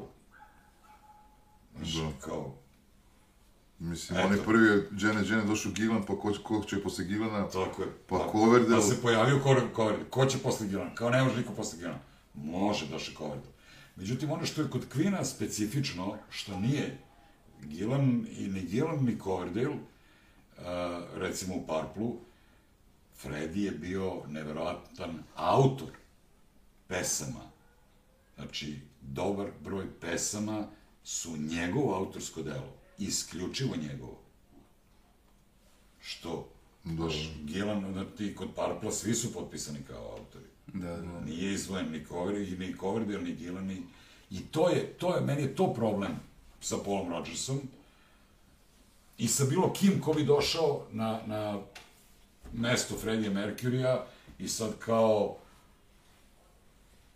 Mislim da ne treba da se zadrži ime Queen u toj varijanti. Znam da je George Michael odbio baš zbog toga, da je rekao da je Freddy nezamenjiv i mislim, da on ne želi da... Pa teško je to. Možeš ti možda da nađeš nekog ko će imati takve glasovne mogućnosti kak, kako ima Freddy danas, u današnje vreme. Da, I ima i stvarno... klince ono, koji ga skidaju, verovatno, da. Tako Da. je, koji ga skidaju, koji pevaju, ono, treba imati nevjerojatno. svoj pečat. Ali je, ali je upravo to, to problem. Mislim da je taj autorski deo problem i makar i dobro, i Brian May je masu pesama tamo napisano, najmanje pesama imaju, ovaj Deacon Taylor ima valjda jednu, dve, Anja Da, Blavić I'm in na love with gitari, my i ne znam šta, i. Diko, dobro, Dikon ima neke, ono, esencijalne, Another One Bites the Dust i... i To je njegovo, ne? Već da, to je Dikonova. I još par nekih tih. You're ovaj, my best friend, nije. Ne, ne, Yo, uh, You're My Best Friend mislim da je Brian May. May. Mhm. To je baš ono, gitarska. Ali upr- uprko svemu odličan je bio koncert 2008. u Areni, zato što je ovaj Pa pevao na svoj način, nije ga imitirao i... Pa, ono, on mora na svoj način da, da da, da. da. Mora da, jer on jednostavno, on je dobar pevač, ali nema te mogućnosti koje Freddy ima. Ovaj, tako da, ne znam, to mi je... On ima svoju, ima istoriju bogatu, on, što se kaže, grupa Free, a posle nastavak Bad Company, čuveni isto, vinil Bad Co, ali Free je mnogo jak I band. bet koji je straight shooter posle, onaj. Da, da. Free je baš onako bio band odličan. I on važi za pravog, baš moj ljubav, moj drugar. Jedan najboljih. Ovaj kaže za Rodgersa da je baš pravi rock pevač i to je pisalo, znaš, Jest, mislim, baš, jest. on ga baš, mislim, no, voli ga masa ljudi, baš ima glas. Ja sam zanimljiv podatak iz vaše biografije da ste živjeli jedno vreme u Africi pet godina. Da. Jeste išli tamo na neke nastupe ili... Uh, Rodriguez. Da, da, i u Ja kojoj... sam čak sam radio, ja sam čak radio, radio ovaj, za firmu koja se bavila orga, organizovanjem tih nekih velikih nastupa i koji, žena koja, je- čije, koja je bila vlasnik firme, je bila i menadžer njihove najveće zvezde u Zimbabveu, konkretno Olivera Mutakuzija. I išao sam tamo na neke, interesovala me njihova muzika da čujem. I čak sam imao prilike da odem, ovaj, uh, radeći za Nemca, jednog koji je imao neki ne neki, nego čovjek ima svoj privatni radio, ali e, je u Africi samo snimao program i slao u Austriju da se emituje na, na austrijskom državnom radiju. Išli smo u, u, e, u Keniju i išli smo gore u stvari u Srednju Afriku, napravili neku turneju dve, tri, dve, tri zemlje i e, snimali Masai plemena. I ovo, ova muzika, njihova popularna muzika, mi nije nešto ostavilo ne znam kakav utisak. Imaju oni svoje zvezde. Južna Afrika, pošto sam bio u Južnoj Africi, ima ovaj, tek ono, oni imaju scenu gde imaš i hip-hop i R&B, taj Da, oni su novi, ljudi posebni. i šta ja znam, znači velika zemlja i, i ima neverovatne m, mogućnosti su imali u to vreme, znaš, posle apartheida, razvoj i, i tako dalje. Ovaj, ali a, ta najveći utisak na mene, još uvijek imam neke snimke negde i to stalno hoću da prebacim, da digitalizujem, odnosno, ne da digitalizujem, mislim da su mi čak na datu ili na mini disku, ovaj, samo treba da prebacim, Da, da, prebacim da, da. u kompjuter Masai plemena koje smo snimali, koje je, e, obično se kad se govori o afričkoj muzici, e, prva asocijacija je ritam. Ovde nije čak u pitanju ritam, nego je u pitanju melodija.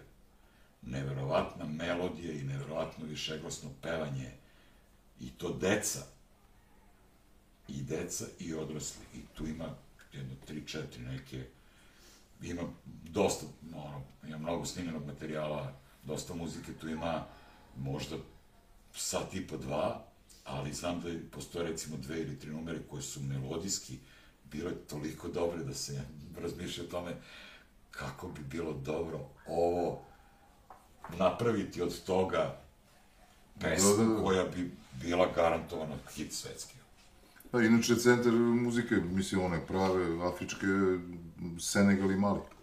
Znaš, počeo sve od Fele Kutija, Femija, Baš ga Da, spomenjem da. i... Sin- Ne, Sin to, to, je taj, taj, pre svega world music, oni su Da. prvi radili te kombinacije, odnosno funk, kombinaciju funka i tih afro ritmova i to je, baš, tu ima, ima tu izvođača koji su ima, ima. Ovo je Bombino koji kod nas Ali, ali kažem ti, ali, ali ovo o čemu ja pričam A, sad, da, da. žao mi, što, žao mi što to ne mogu sad da ilustrujem nikako.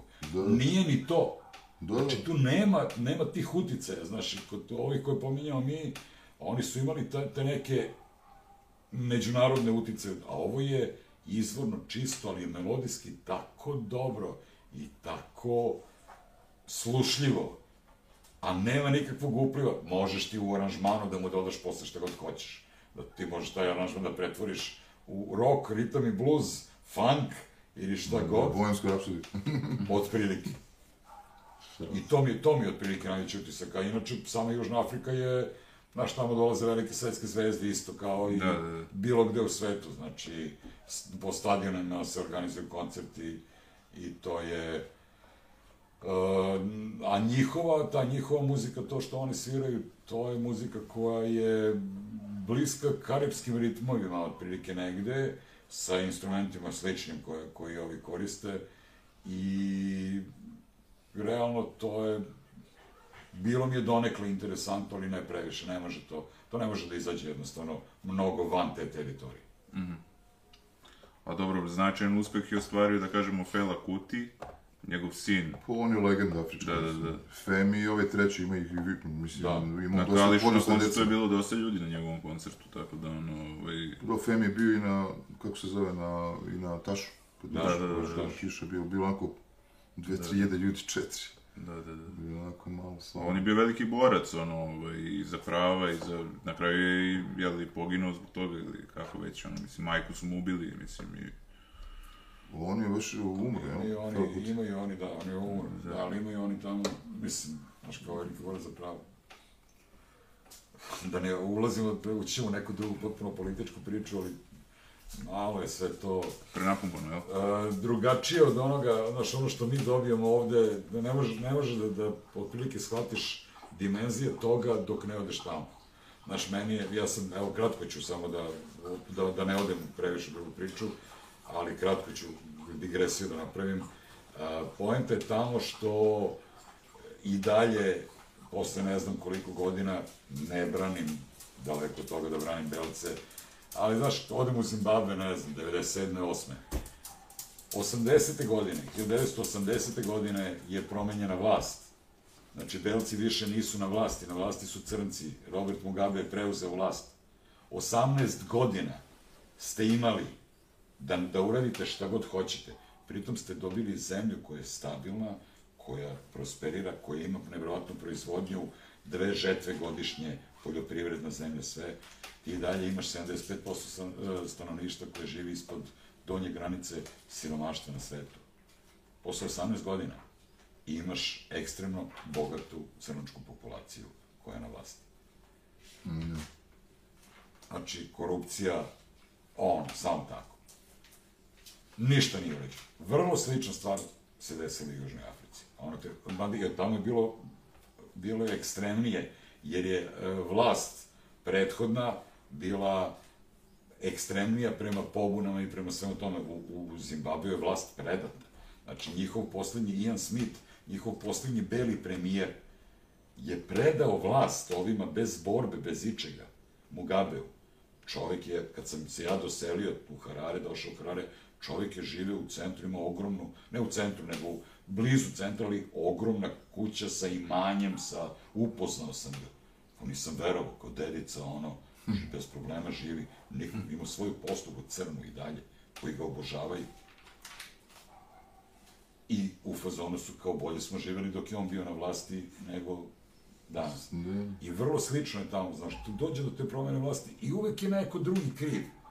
Ne, nije neko drugi kriv, krivi ste vi ovde što ne smenite te korumpirane koji su na vlasti i ne organizujete sebi život, nego ćutite, klimate glavama i, znaš, tamo kad izađeš iz velikih gradova, ljudi žive na nivou plemenske zajednice. To su Da. dalje sela koje gde su kuće od blata sa rupama umesto prozora i umesto vrata gde stavljaju daske na vrata noću da ih ne pojede lav, mislim, znaš. Malo zvuči ekstremno, ali, Jeste, da. ali veruj mi da je u Verujem. nekim delovima tako i dalje. A pritom imaš gradove velike koji su ono Johannesburg sa ne znam koliko 12 miliona stanovnika ili Cape Town sa 5 miliona stanovnika, znaš šta je to? Znaš šta je 5 miliona stanovnika?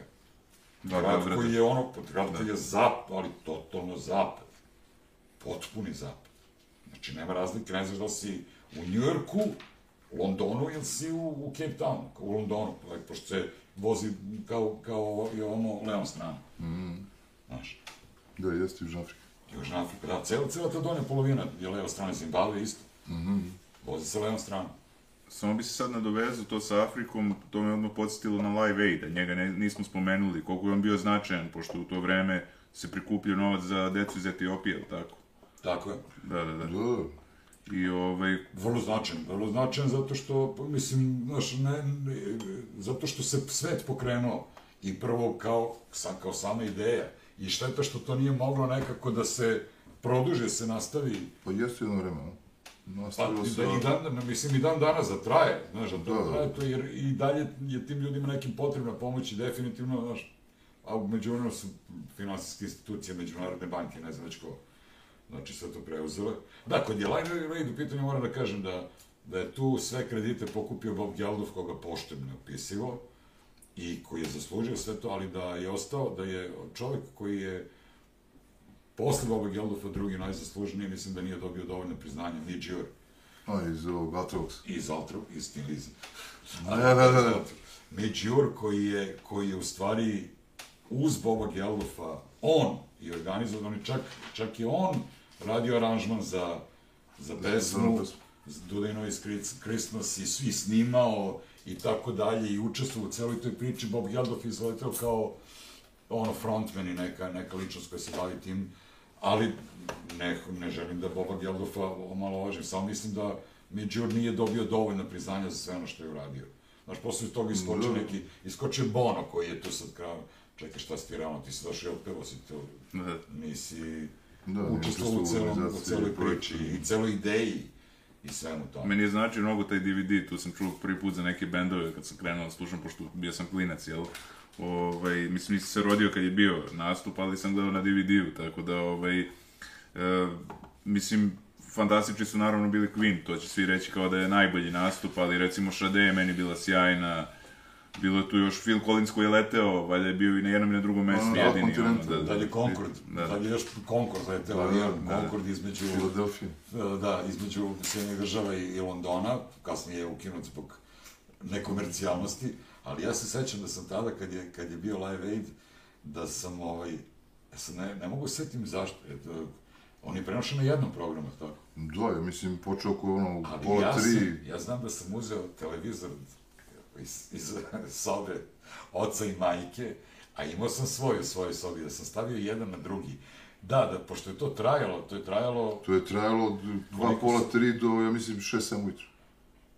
Mnogo je trajalo. Jeste. Da sam ja dva televizora stavio jedan da. na drugi, da, da mi ne bi crko, da, da jedan radi, Da, da, da da. onda ugasim, Da, da, da, drugi da da ga gledam vratiš. na ovom. Zna- Znači, znam da sam to uradio, znam da je moja majka, kad je videla da nosim to, gde ćeš ti sa tim? Da li si ti normalan? O, zaboga, sine. Sjećam se da si mi ti pričao da ste svi bili po kućama gledali da neki vaš ortak bio na basketu, šutiru na koš, ono, baš ga bilo Da, briga. da, da smo oni preko puta gledali nas četvero, petero i naš dobar drugar. konačno, košarka. konačno mogu da vežbam.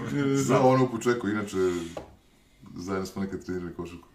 I tako, rekao, aj dođi gore, ma, hoću kasnije. ja, da.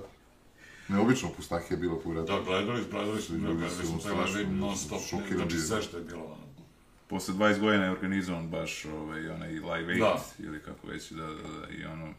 Tad su valjda Pink Floyd i posljednji put, ili ne? Ne, oni su imali posebno i turneju u posle četiri grada, da. Još, da, da, da, da. U četiri kad su se sastali zadnji put. Da, da, da. Ali su se sastali posle određenog vremena tu. Da, da. Onom, onom, da, Da, da. Watersta do, do... A recite mi, šta, kako, šta mislite o budućnosti rock'n'rolla, ovaj, neki novi bendovi, ne? Da, da li postoji neka nada? Hey, my, my, Da, rock and roll da, will never die. da, Pa verovatno... mislim, znaš šta, ovaj, e, ja ne znam, možda, možda sam pozvani zato što ja pratim scenu. Sigurno si pozvani. Znači, meni, meni ovaj redom, pa mislim, definitivno da je, je, definitivno je, ne samo kod nas, nego i u svetu, da je neka druga muzika a, za, za, preuzela primat i, i zauzela neka mesta na listama i da je, se mnogo više sluša i da se mnogo više prati, da tu ima mnogo više klikova nekih i šta ja znam. Ali ja mislim da je to, ne, ne da je prolazni period, nego da jednostavno je to samo na neki način potisnulo rock and roll ili kako god se zove to što se danas svira, nije to više rock and roll, ali postoji neki rock, da ga je potisnulo donekle u stranu. Međutim, dok god ima klinaca, a ima ih veoma mnogo, koji i to slušaju i svi pokušavaju i žele da sviraju. I skoro sam sa nekim pričao, ne mogu da se setim sad sa kim, ali kako su mu došli klinci i kako ovaj, ne žele da, da više ono, sad ću da snimim pa ću kompjuteru sve da namestim. Ne, nego od, kreću da otkrivaju od pedala za gitaru do boja nekih na nekim klavijaturama koje su stare, analogne i kao, ovo zvuči bolje nego ono što ja čujem, pa naravno da zvuči bolje.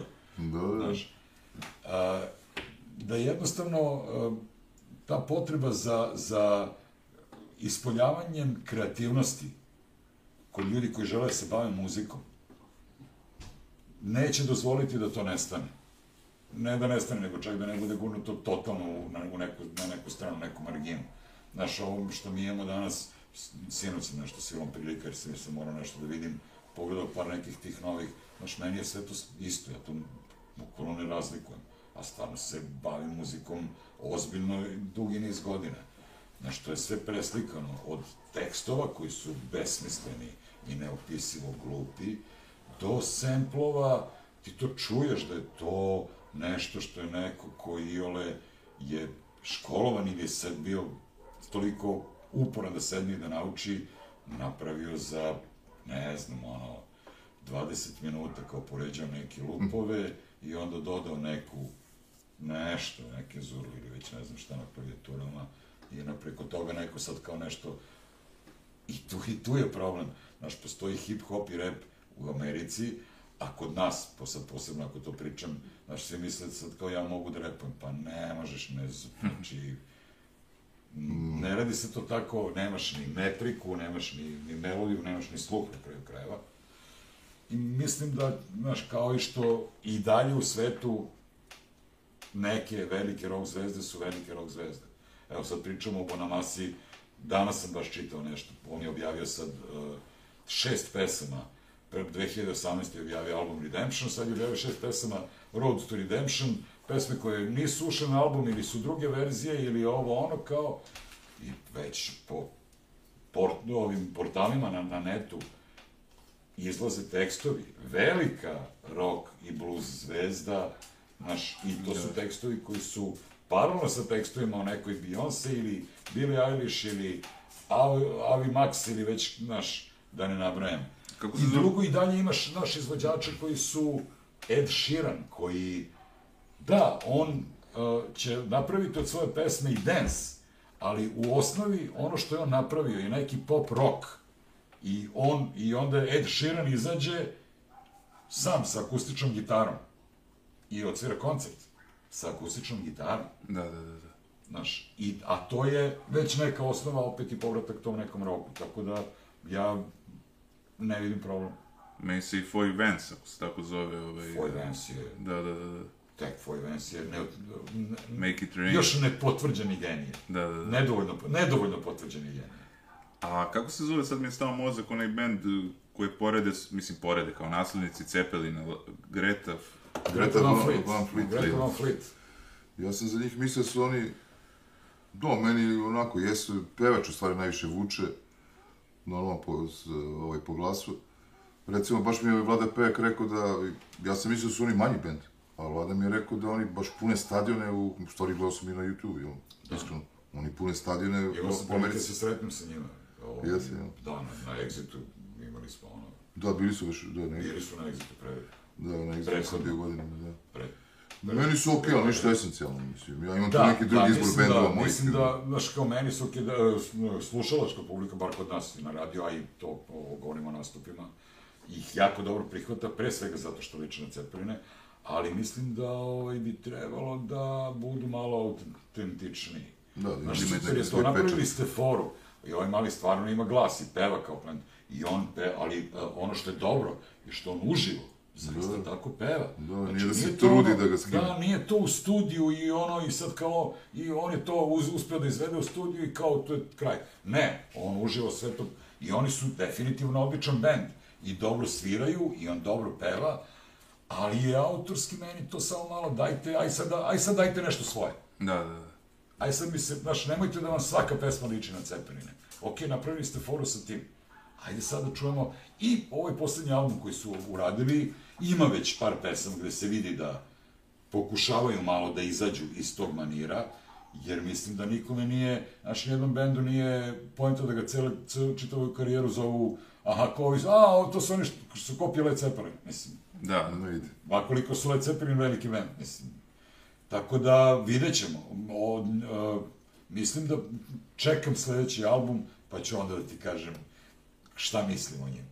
ti isto izločiš neke, ono, da kažemo, bendove nepoznate, da kažemo, pa i nepoznate pevače, možda široj masi, kažem, nepoznate. Meni si Finka otkrio, koji možda nije toliko nepoznat, ali ono, Pa, Fink nije ono ultra komercijalno, on je isto gostovao kod nas. Recimo on, Wolverhampton, to su sve likovi koji su bili ovaj, u, u Amerikani. Ovaj, a od bendova ja volim tu garažu, mislim, te, baš te borce, što bi ja rekao, što si ti pričao, da bi trebalo da budu svi ovi mladi muzičari. Tipa Left Lane Cruiser, oni su bili KC gradu, taj James Leg. Ovaj, ovi Rusi su odlični, mislim, Re- Restoned, oni su me u Elektropioniru, nažalost, koji se zatvorio, ne znam zašto. Tamo sam i gledao, tamo baš kako na binu pravio haos ovim na kraju, ja dobro. Ovo, i tako dalje, tako da nekako suzila se scena. Svi su, svi, oni su već imaju svoj neki, ovaj, svoj staž, ali su i dalje bore, oni idu, putuju, nema tu, prodaju i po, dogod- ono, po dogod- 20-30 dogod- diskova prodaju. Znaš kako ti, i dan danas imaš bendove, recimo u Engleskoj, koji su odlučili da se bave muzikom i koji zovu ovde i kontaktiraju naše promotere. I u fazonu smo, su, mi bismo došli da sviramo. Dobro, ali kao, gde, šta, ko? Nije bitno, kao, mi ćemo da finansiramo dolazak. Organizujte nam, nije bitno, ne, ne moramo da zaradimo ništa treba nam hostel da prenoćimo i neka hrana. Ali ćemo sutra imati u svom CV-u, odnosno biografiji, da smo napravili turneju po Balkanu. Znaš, neće doći oni samo u Beograd, Da, da. nego će obići Obići ceo. i Niš možda, i Kragujevac, i Čačak, i onda otići u Skoplje, i onda posle toga otići u, do, ne znam, Grčka Sarajeva, i- Mostara ili Grčke, i otići po Hrvatskoj, napraviti u 5-6 velikih gradova, ne znam, Rijeka, Za- Zadar, um, Šibenik, Split, gore do Zagreba, Vinkovaca, Virovitice ili ne znam već gde, Karlovca, I kad se vrate u Britaniju i kad se tamo negde pojave, ok, evo mi smo bili tu i svirali smo, imamo ono kao. I dalje tako razmišljaju. Da, da. I dok god postoje svi- takvi bendovi i dok god postoje kao i ovi koje, koje je Uki pomenuo koji dolaze i sviraju, znaš, ono, to je Da, već ima svoju težinu kad dođu Neće- preko okeana, nije Kako baš sve zove jedno. oni Holanđani, da Belgijanci, ovi, ono, High Class Woman ili kako već, ovaj, pesma, Aha, ovi, kako se zove, Pills, nešto, Blues Pills. Bruce Pills, da. Odličan, da, odličan, pevačica. odličan ženski vokal, odličan band. Da, da, da. Ovaj, baš su, mada ja volim isto, da, oni su bili kod nas već dva, tri puta, My Baby. Oni ono spajaju blues i ovaj, elektrozvuk. Vrlo su zanimljivi. Sad je interesantno ima Celeste, što li, m, Da. glas, glas liči na Amy Winehouse, ali neki drugi fazon, da kažemo, pevanja. Da, da, slušaj, da.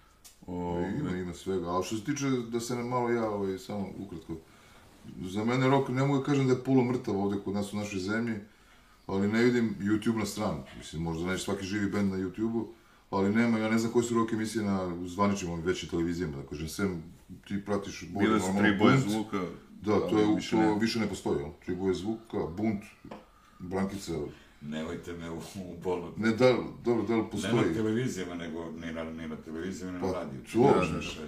Nemamo hale, nemamo klubove, nemamo, mislim, ne A, kažem da ću... Ja sad bez, bez namera se hvalim, ali a, evo ja ću sad da kažem jednu, jednu činjenicu. Znači, a, ne mogu da garantujem da je od svih emitera u Srbiji, ali od svih nacionalnih emitera, znači onih koji imaju na, radio stanica, kojih ima mnogo više nego TV stanice, koji imaju nacionalnu frekvenciju. Radio na kojem ja radim, 202 je jedini radio koji pušta ne novu domaću, nego uopšte novu muziku, i domaću i stranu. Radio koji nije formatiran, gde ti nemaš playlistu sa, ne znam, 300, 500 i ne znam koliko pesama koje se besomučno vrte u krug danima i onda se jednom nedeljno, jednom mesečno izbaci 10, a ubaci novih 10 a bendovima domaćim koji dođu i, i, i donesu novu pesmu i kažu, ej, neka je to, ne znam ko, Bajaga, mislim, mo- možda će Bajagu i da puste, ono, ili Van Gogh, i kaže, imam novu pesmu, da, o, manjim bendom, Eva Brown, Uh, pa ne, donesite nam je kad postane hit, onda ćemo da je puštamo. Čekaj, kako da postane hit ako je to ne emituješ? ako se ne pušta. Upravo to. Znači, moj radio je jedini radio, ja sam napravio čak emisije, horizontalu, od ponedjeljka do četvrtka uveče, od 8 do 9, gde se emituje isključivo nova muzika, koja, izaš, koja se pojavila prethodne nedelje. Domaća, regionalna strana. Znači, imam emisije koje su posvećene pro, propagiranju nove domaće muzike i uopšte nove muzike, da bi ljudi to mogli da čuju. Ti više nemaš ni jednu takvu stanicu. I da, meni program, takozvane, i kod nas se muzika emituje iz, iz kompjutera, ali playliste prave živi ljudi koji su tu kada se emituje ta playlista i koji mogu da je promene, da stave nešto što je aktualno. A ne, mislim, znam slučaj, neću, pa sad neću da pominjem, ali kao dolazi bend, gostuje na radiju i priča o tome kako ima novu pesmu i kako su snimili, kako su objavili singl i oni završavaju, ili izvođač sa jedno, pevač, pevačica. I završavaju priču i tipa kreće Lem, mislim, wake me up before you go, mislim, go, go, kao, ne razume čemu se radi.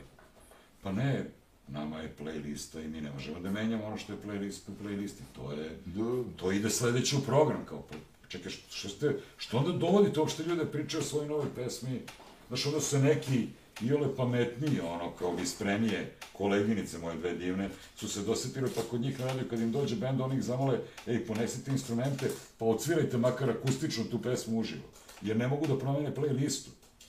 Znači, meni kad dolazi, ako dolazi neko da gostuje, pa naravno ću da promenim playlist i da ću da pustim 90% nove domaće muzike koju mi pošalju, ako iole, kvalitativno i kvantitativno, kva, kvalitativno pre svega, hoću kažem, tehnički a, ovaj, i muzički zadovoljava kriterijum da može da se emituje. Pustit će makar jedno. Neka je, nema više demo snimaka, jel?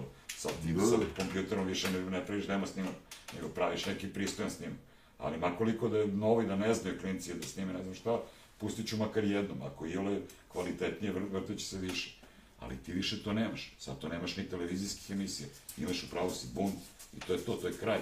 Na ostalim televizijama nemaš ništa. A takođe imaju nacionalnu frekvenciju, Nema više trećeg kanala. što je, što je potpuno neverovatno. Da, da. Znaš, mi smo skoro imali rel- relativno, mislim, problem, uslovno rečeno problem. Kao, znaš, dolaze mi sa pričom, kao ja, mi smo razgovarali, ne znam, Soko i mi uz... Znaš, treba više, treba na 200 dvojici, koja jeste deo RTS-a javnog servisa, treba da se emituje, e, znaš, vi emitujete hrvatsku muziku i muziku iz regiona, a kao domaći izvođači, rekao ja, domaći izvođače emitujem neverovatno mnogo. Ali trebalo bi kao bar 30% muzike da bude do- domaćih izvođača. Rekao, ljudi, evo izvolite, košuljice takozvane, iz posljednje tri meseca, proverite koji je procenat domaće muzike. I onda je čak napravljen sastanak u Privrednoj komori, gde su se našli vlasnici privatnih radiostanica koji imaju nacionalne frekvencije, da treba da se zakonom uvede da bi se javnom servisu znaš, naložilo da oni moraju da emituju, min, ne, samo, moj radio nije problem, problem su ostali programi, da moraju da emituju minimum 30% domaće muzike. Čekaj, šta je sa vama? Pozivate se na Francusku i na Hrvatsku. Kao u Hrvatskoj 40% domaće muzike mora da se emituje, u Francuskoj 70% francuskih vokala mora da se emituje. Ali ne na javnom servisu, nego na svim stanicama koje su No da. dobile dozvolu. A vi se pravdate ne kao mi ne možemo, mi, mi živimo od toga, no, mi smo komercijalna radio stanica, mi moramo da vrtimo najveće hitove. Znaš, ti imaš jedan neki radio play koji nema domaću muziku. Da, da, radio Uopšte. znam ga iz, iz kola. u- uopšte nema domaću muziku. O čemu pričam? A ima nacionalnu frekvenciju. Da, da. Na osnovu čega? Znaš, to Da. potpune ne, nelogičnosti. Kod nas je jednostavno, ne, moje mišljenje, ne posvećuje se dovoljno pažnje, ne rock muzici, nego uopšte kulturi. Znaš, zavladali su kroz neke realitije, neke zvezde koje, kak, znaš, kad vidim šta ima, koliko pregleda. Mada i ti pregledi na YouTube-u, to je Da, nakon pa Znaš, na, kupuju se pregledi i zna se tačno šta je realno, šta je... Znaš, ne može, ne, znaš, potpuno je nevjerojatno kad vidim kao sad neko sa Balkana ima 25 miliona pregleda. Pa u ex-Jugoslaviji je živjelo 23 miliona da. ljudi. Od koga ti imaš 25 miliona pregleda, majke ti? Da, da, da. Za dva dana. Pa stvarno. Znaš, Kako se zove, boost, ne, kako se Pa boostovanje, da. Ali inače, najznačajniji, ovaj, ranije je radio bio, da kažemo, najznačajniji baš za to, da ljudi čuju ovaj, prvi put neke pesme i, mislim, i... U, u, Pazi, ja tako tretiram i dan, i dan danas. Tako ja je, da. sam ono, znači, ako igde mogu da čuju premijeru, Da. znaš, da, radio i pored svih ovih novih medija, kompjutera, telefona, kad Nije voziš, izumor. kad voziš kola, a ne mogu ni da gledam u telefon, ni da gledam u ekran, Tako nego je. vozim i slušam nešto. Tako je, da, da. Znaš, i milion drugih stvari, znaš, kod kuće, kad radim nešto, dobro, okej, pustit ću ja nekad neku svoju muziku koju želim da slušam, ali ja gled- gledam stvarno po sebi. Ima milion situacija u kojima želim da radim nešto, potrebna mi je neka muzika, ne mogu sad da pakujem neku svoju playlistu i ne želim da slušam nešto posebno, kao pustim radio. Ima, ima situacija u kojima ćeš i dalje da, da slušaš radio i neće, makoliko da je pomeren negde u zapećak, biti kao ni rock and roll, neće propasti. Ali samo treba da se dovede do nekih, da se više obrati pažnja na to uređivanje, recimo, nešto, kaže, eto, čime se ja bavim, pa... Na kraju krajeva rock and roll i dobio ime preko radio speakere. Jeste. Jeste, da. da, Hvala mnogo na ovom gostovanju, uživao sam stvarno. Hvala, i ja sam, Hvala tebi, ćao. prijelo mi je. Nema na čemu. Svaki dan ako treba. Gledamo se nadalje.